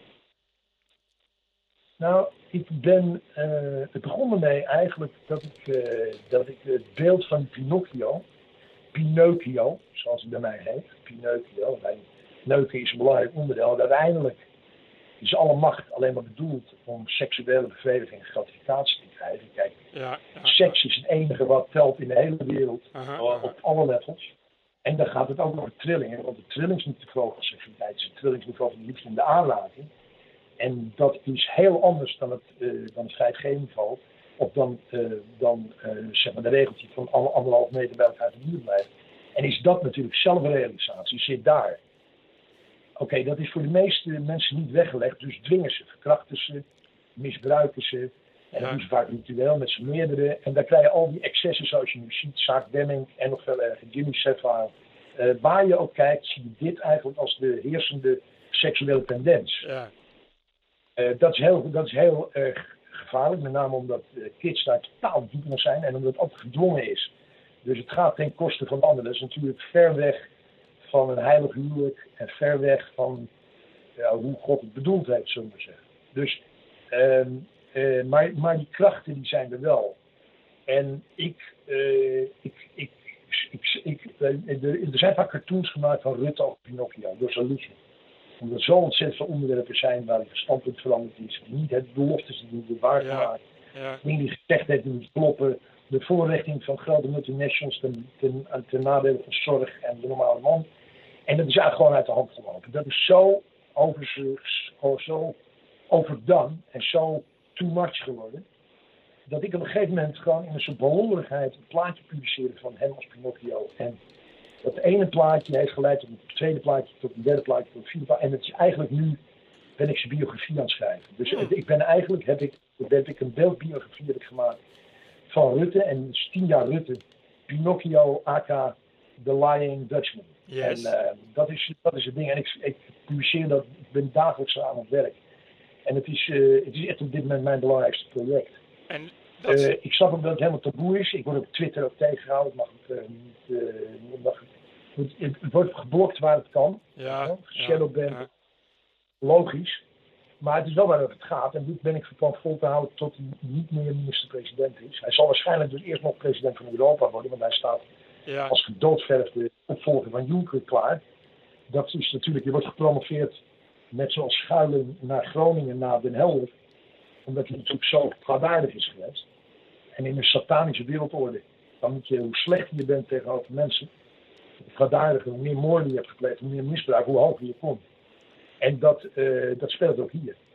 Ik, eh, maar daar, daar valt alles eigenlijk in terug te lezen wat politiek speelt. En daar, vallen, daar kan je, ik oordeel niet, dus geen, eh, geen oordeel, maar ik maak wel zichtbaar. en En het is allemaal zichtbaar in alle plaatjes die, die ik toon. dat staat op je website. Ja, ja, ja. En- Het zijn zes delen, het worden geboeid. En dan kan je gewoon, als je het van A tot Z leest, van 1, 2, 3, 4, 5, 6, dan heb je, kom je bij mijn, eh, zoals dit gesprek is opgebouwd, met een begin, een middenstuk en Ja. een eh, conclusie. Maar het is gewoon, een hele, het is gewoon helemaal een, een, een totaal verloop. En het, en het leuke is, vind ik, Bert, en dat merk jij, dat weet jij natuurlijk omdat je ook, ik weet niet je je website zelf ook bouwt, dus of je daar mensen voor hebt, of je dingen zelf publiceert en inzet. Ja, Ik werk met WordPress. ja, ik Jij ook. doet het waarschijnlijk ook. Ik doe het ook zelf. Ja, dus we doen, zijn vergelijkbaar werk aan doen. Dan weet je ook eh, hoe je tussen van beelden, tekst, hoe je vormgeving, dat zijn allemaal dingen waar iets gaan spelen. Ja, En het gekke is, ik heb dus het gevoel dat ik echt een, eh, iets bereikt heb. Ik heb iets bereikt, dat zal jou dus wel aanspreken, omdat jij technisch natuurlijk dingen te maken. Ik had altijd een lengte, omdat WordPress maar een maximale lengte gaf. Want anders kon je niet meer goed inladen bij Google en dan liep je vast in WordPress. ja, Ehm, maar ik heb nu oplossingen technisch voor die, eh voor die euvels. Ik, eh, mijn, eh, mijn plaatjes laden in als een soort rupsband. Dus zeg maar beeldje voor beeldje voor beeldje als een soort schakelmachine. ja, Waardoor je geen tijd meer nodig hebt om in te lopen bij Google. En gewoon, gewoon makkelijk gelezen kan worden zonder dat het totaal gelezen. oké. En zodan, zodoende, zodoende kan ik per pagina bijna unlimited. Het zijn natuurlijk je hebt twee manieren. Je hebt zeg maar het visueel, dus de gewone letters en de woorden. En je hebt de code achterin. Hè? Ja, Maar ik kan dus 12.500 woorden kan ik gewoon publiceren. En 12.500 woorden is- zijn afzichtelijk van plaatjes en dingen. Maar het zijn eigenlijk een soort scrolls. Dus je kan er doorheen scrollen. En het, het worden een soort bijbelscrolls. oké. En dan hebben ze ook nog, wat ik ben dus overgegaan naar, we zouden eerst overgaan naar een nieuwe provider. Toen gingen we dus gelijk vijf dagen uit de lucht. Doordat eh, de, de, de, de, de, de eigenaar van het provider dezelfde naam droeg als de wethouder, maar natuurlijk al die problemen in uh, Den Helder heb gehad. Ik weet niet of het een verband is, maar het is wel de eerste keer dat ik vijf dagen offline ben geweest. Maar daarna heeft dus mijn provider, mijn eigen provider, heeft een systeem ingebouwd waarin niet alleen dat bloksysteem werkt, maar ook nog een pagina cutter erin zit. Dus hij snijdt het ook nog op, een lange pagina, in allemaal verschillende eh, pagina's, waardoor, en dat is niet zichtbaar, dat, is zeg maar, dat doet hij echt in de background. En daardoor loopt mijn site gewoon ongelooflijk. Want het probleem was dat ik door die Rutte-werkstukken, werd mijn website veel te zwaar. En duurde die veel te zwaar lang om in te laden. Ja, En precies. nu, het is mi- miraculeus hoe, lang, hoe kort die laat. Ik ben echt, ik zit op de top op de golf. En van, ja, ik ben zo blij met eh, dat de technische ontwikkeling hand in hand gaat met wat ik graag wil maken. Dus ik, voel me supergoed erover. Ik ben heel blij. Ik- En het betekent gewoon dat dit een met snel ladende, een ladend project eh, nu aanwezig is op mijn website. Zoals, zoals ik het houden, altijd. Heel fijn, heel fijn. dus, maar Ja, eigenlijk, echt, spirit. eigenlijk creëer je gewoon weer nieuwe, nieuwe Rob Scholtens. Gewoon een nieuwe periode van Rob Scholten. Eh, ik ook niet, kijk, mensen denken altijd dat ze op een gegeven moment iets zijn en een identiteit kennen, zichzelf kennen. Maar ik vind het als iets succes heeft, dan betekent juist dat ik weer nieuwe dingen kan doen. Dus dat ik weer iets anders kan doen. Dat vinden mensen altijd het slechtste wat ik ooit gedaan heb. Dat is altijd zo geweest. Als ik een nieuwe serie had, al mijn vaste begraven samen zagen er niks in, et cetera, et cetera. Aha, aha. Maar dan na een jaar of drie, vier, dan komt het aan. En dan is het op een gegeven moment gewoon deel van mijn hele oeuvre. Dus dat is eigenlijk altijd zo geweest. Ik denk dat dat nu weer is. Het is natuurlijk niet... eh, kijk, ik ben ook iemand die groot geworden is met computers. 81 had ik mijn eerste kleine eh, plusje. Mijn Mac Plus eh, Ja, ja, ja, ja. 50, 50 eh, megabyte, weet ik wat het allemaal was. Het floppy, met floppies nog. Eh, weet je wel, dus ik heb het hele begin meegemaakt. Ik heb Adobe Photoshop nog op eh, floppies eh, gehad. En voor mij is dat hele Photoshop natuurlijk gesneden koek. Ik heb nooit zelf veel willen schilderen met Photoshop. Maar ik heb altijd wel met assistenten gewerkt die het goed deden. Die Klein en anderen die heel goed waren in wat ze deden. ja. En, maar ik ben nu de laatste tijd, ik ben nog niet echt aan het Photoshop, maar het betekent wel dat ik heel goed ben met de verwerking van plaatjes. En, ja, en, en Photoshop heeft zich natuurlijk ontwikkeld ook nog tot iets wat zo algemeen toegankelijk is als schildermethode. Dat mensen, ja, die zijn ook de werkelijkheid is er niet meer. Want je kan tegenwoordig Saddam Hussein gitaar laten spelen Precies. en George Bush basgitaar. En het ziet er gewoon uit alsof het een echte foto is. Precies. En het hele fotografisch bewijs is dus opgeheven. Dat bestaat niet meer. Je kan Exact. niet meer foto's en bewijs. En dat is ook zo. Dat is ook echt waar. Maar dat bedoel ik ook net te zeggen met die beurs die door de fantasie in de lucht blijft en maar niet crasht. Weet je wel? Zo is het ook met mijn Rutte-verhaal. Het is fantasie. Dus het zijn de uitingen van eh, ontevredenheid en eh, verwijten en woede van, van de gewone man. Met de middelen die hij heeft en de taal en de schuifhouten. En de, het is eigenlijk net zo, het, is, het zijn allemaal dingen die anderen gemaakt hebben. Dus ik heb niet zelf gemaakt. Maar van mij zijn de verbindingen, de volgordes en de, dus zeg de hele opbouw. Ja, die is natuurlijk wel van mij. Want ik gebruik al die uitdrukkingsvormen om te komen tot een soort groot totaalbeeld van Rutte. Waar, wat is eigenlijk bedoeld als geschenk voor ze, en dat was gisteren. Zijn, eh, zijn tienjarig eh, jubileum als minister-president. Was gisteren, hè, de dag af. Dus, Ja. eh, ik heb nu ook weer gisteren, gisteren en vandaag laat ik ook bovenaan een pagina staat het museum. Het is een virtueel museum. Ja, Ik weet wel dat eh, alles in lockdown ging, dus ook de grote musea. En dat ik hoorde van mensen, nou, jij bent wel al een tijdje meer door je ontruiming. Ben je al meer gewend om zeg maar virtueel die eh, positie te nemen, een virtueel museum te draaien. Dat is zo. En ik denk dat ik dat hier ermee voortzet door een soort Rutte-galerij niet te hebben. Dat is mijn tentoonstelling op dit moment in mijn museum. Helaas alleen online en niet in het echt. ik Eh, denk, Maar overigens kan het heel goed zijn dat het weer terugkomt. Natuurlijk dat ik het museum terug ga krijgen. Dat is een hele reële mogelijkheid. Ja, want je hebt nu alsnog eh, een zaak gewonnen, in elk geval over, eh, over de inkomsten van de in beslag genomen beelden. Was het zoiets waarmee je advocaten gaat betalen? Nou, het gaat om, het gaat om eh, ongeveer 10.000 kunstwerken. In 10.000, beslag genomen dat zijn er Ja, veel. zoiets. Ja, daar hadden ze acht veilingen voor nodig. Ja, bij het veilinghuis wat dat van de gemeente Den Helder als opdracht had gekregen. Dat hebben ze ons niet willen vertellen. Ik ben nog steeds eigenaar. Ik heb nog nooit in 2,5 jaar één moment mogen zien wat ze uit mijn pand hebben gehaald. Ik heb het nooit kunnen controleren. Ik weet niet of er dingen weg zijn, helemaal niks. Maar dat willen ze ook zo laten. En dat me toch wel, maakt me wel wantrouwig tegenover alles. Ik krijg dus niet de mogelijkheid om te controleren wat er in mijn ruimte stond, ook daadwerkelijk nu bij hun staat.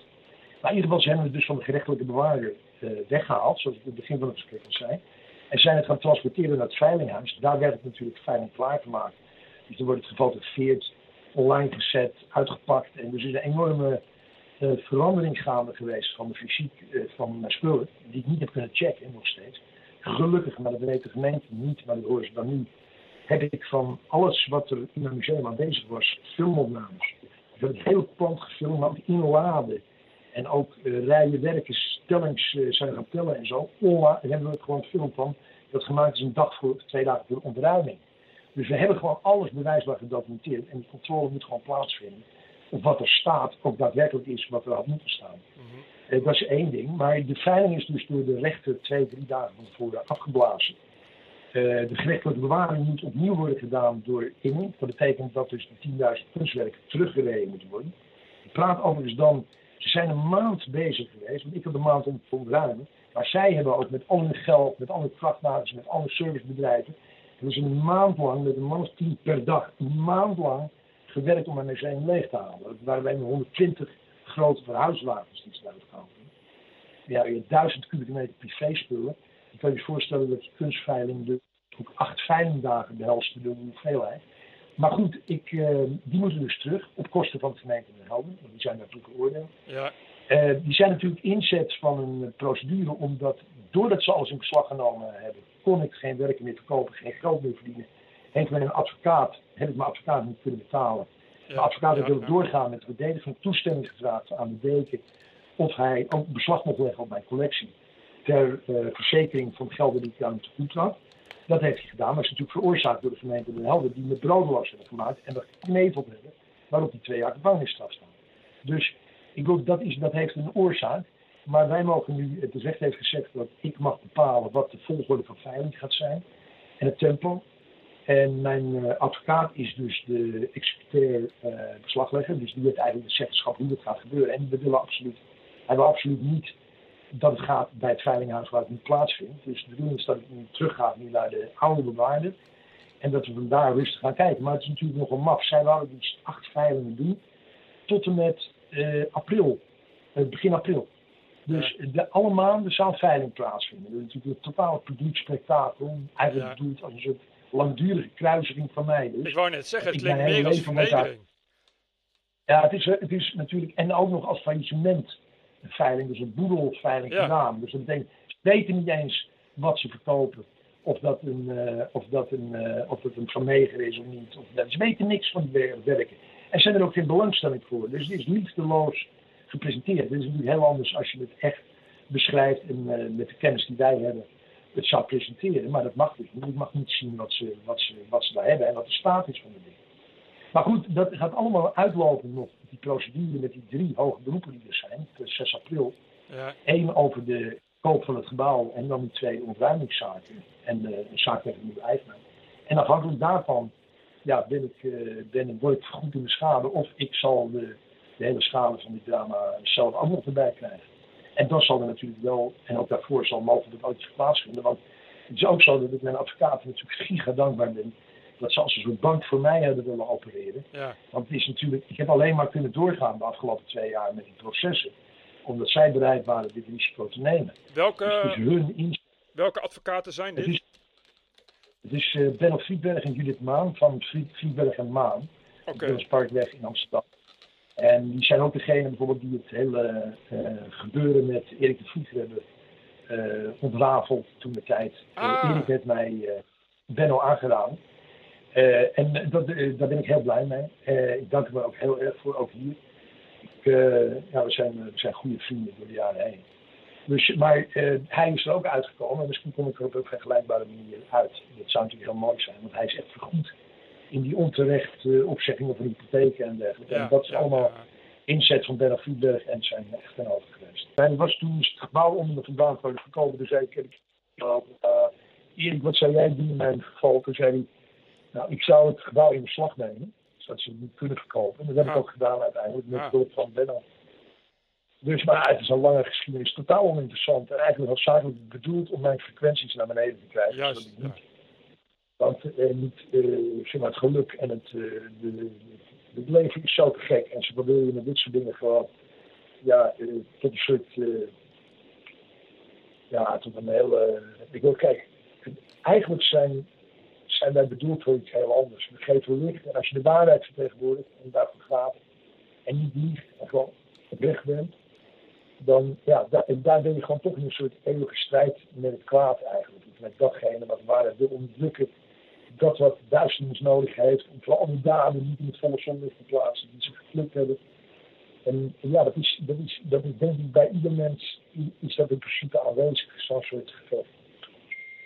Ben je er nog? Ja, ik ben er nog. Ik zit, eh, ik zit ademloos, ademloos te luisteren. Maar eh, eh, ik zat even te denken. Ik ben wel eens bij Erik de Vlieger thuis geweest voor een korte documentaire. Die staat trouwens nog bij het, online. bij het, Wat zeg je? Bij het Ja, ja, nee, waar die nu, waar die, waar die, nu, waar die nu woont. Is dat, ik weet niet of dat Nee, je bent niet geweest. Hij schijnt, nee, dat, dat weet ik niet. Ik heb met Erik, ik had op een gegeven moment via Erik in de Kuiperstraat in, eh, in Amsterdam-Zuid.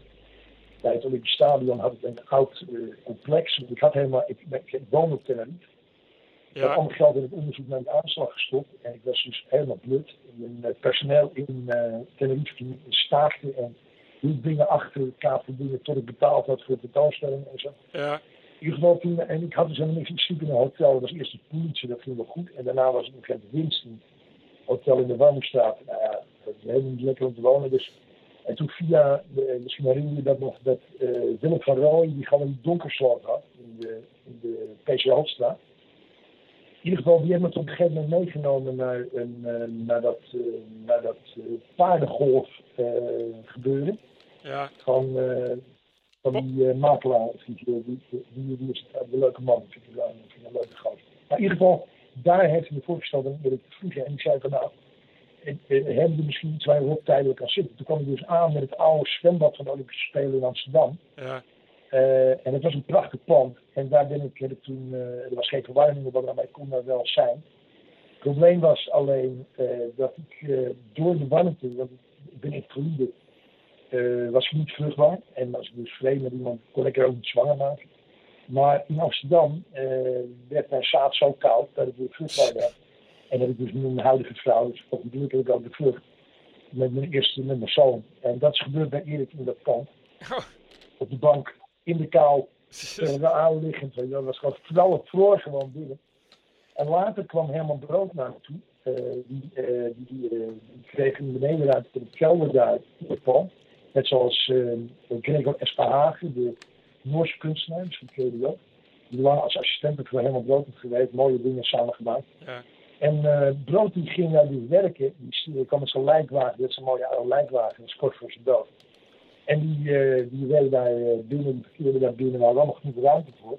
En zodoende leerde ik Herman Brood kennen. Dus ik ken hem wel uit Groningen nog, uit sorry, die hebben begonnen in het begin met de Wild Romans in het Coast. Ja. Maar dat was het publiek, weet je wel. En later heb ik een Paul meegemaakt, met Chanelli en die tijd. En uh, wel enkele keren gesproken uh, op uh, dat, dat, we elkaar bij elkaar ergens zaten op het terras en aan het praten raken. En hij zegt op een gegeven moment van, ik wou dat ik jouw benen had. Ik zei, man, ik heb helemaal geen benen En dan moet je wijnbenen zien. En dan laat ze zijn broek omhoog. En het is eigenlijk één grote open wond. Ja. En, en van dat, moment ben ik, heb ik er heel groot zwak voor hem en, en, en mag. En dan heb ik het geluk dat ik mee kan maken in Erikse gebouw. Uh, dat hij daar aan schilderen is. Aan het werk is. Omdat die koos uh, een te slechte speed levert. Ja. Dat is kwaliteitloze speed. Dus hij moet betere drugs kunnen scoren. Dan moet hij eigen inkomen hebben. Dus hij maakt als het ware een, een soort onbekende illegale lijn van zijn werk bij mij in het pand. Ja. Samen met hulp van Eskel. En ja, dat loopt een tijd. Uh, en dan uh, ga ik op een gegeven moment, word ik zelf zwaarbedrijf in Amsterdam. Wordt, uh, wordt beschoten, wordt aangevallen in de studio. Gebeuren allerlei dingen. En, dat ik, en, en, dus, mijn, meisje is zwanger, acht maanden. En toen zijn we dus twee weken voor de geboorte van mijn zoon op het vliegtuig gestapt naar Tenerife, naar huis, naar Tenerife terug. En eigenlijk heel goed voorbereid ik zei toevallig gelijk van ons kind in, uh, in, in, in, in uiteindelijk. Maar dat was helemaal niet het plan. We waren helemaal opgebouwd in Amsterdam met uh, zwangerschapsinstituut. We waren echt helemaal volledig dat we het daar zouden doen. Alleen het werd gewoon te drijvend in 2000. Ja, ja, ja. We zijn gewoon daarna ook drie jaar, drie jaar niet terug geweest naar, naar Nederland. Maar in de woning van Erik, ja. daar hangt dus een geweldige foto van jou. Volgens mij van uh, Anton Corbijn gemaakt. Oké. Okay. Ik, ik weet even... Is dat van mij een roosje stapje? Of is dat... Uh... Ja, ik, uh, was, ik, uh, ik, weet niet, ik weet niet eens hoe oud je daar bent. In ieder geval jonger, maar in elk geval tijdens je hoogtijjaren, denk ik zo. Wat, zie je erop? In dat geval? Uh, jou, in elk geval in een, in een, in een, ja, een soort extatische situatie. Ik weet verder niet wanneer het gemaakt is. Anders, anders moet je het maar eens maar, anders moet je maar eens aan Erik vragen. Maar ik kan me dat nog goed herinneren. Ja, ik weet dat hij één foto van mij heeft. ground control to Major Tom noemde hij dat altijd. Ja. dus want ik wil eerlijk, het leuke van Erik was dat hij, uh, daardoor heb ik hem heel erg leren kennen. Omdat hij s'avonds aankwam lopen om een drankje te drinken. Dus ja. hij draaide als het ware mee in mijn hele uh, entourage. En ik heb hem persoonlijk goed leren kennen. Ja. En ik heb er eigenlijk die, jaren dat hij ten onder ging, uh, doordat hij zo door justitie werd lastiggevallen. En door uh, Demmink, denk ik. toen uh, vervolging niet voor een plaats. En hij, hij raakte dus alles kwijt. Ja. En hij had dus tanden met de beschikking. Hij was helemaal... En ja, het groot geluk dat hij zo goed weggekomen is en in Portugal zijn business kan draaien ja. en gewoon kan leven zoals hij wil. Dat is heerlijk voor hem. Dat gun ik hem echt Maar uh, ja, het waren... Uh, ik, ik, ik ben er... Zit. Ik zit er wel een beetje doorheen nu, Rob. Okay, dan... TPO Podcast. Bert Bruson. Roderick Balo. Ranting and Reason.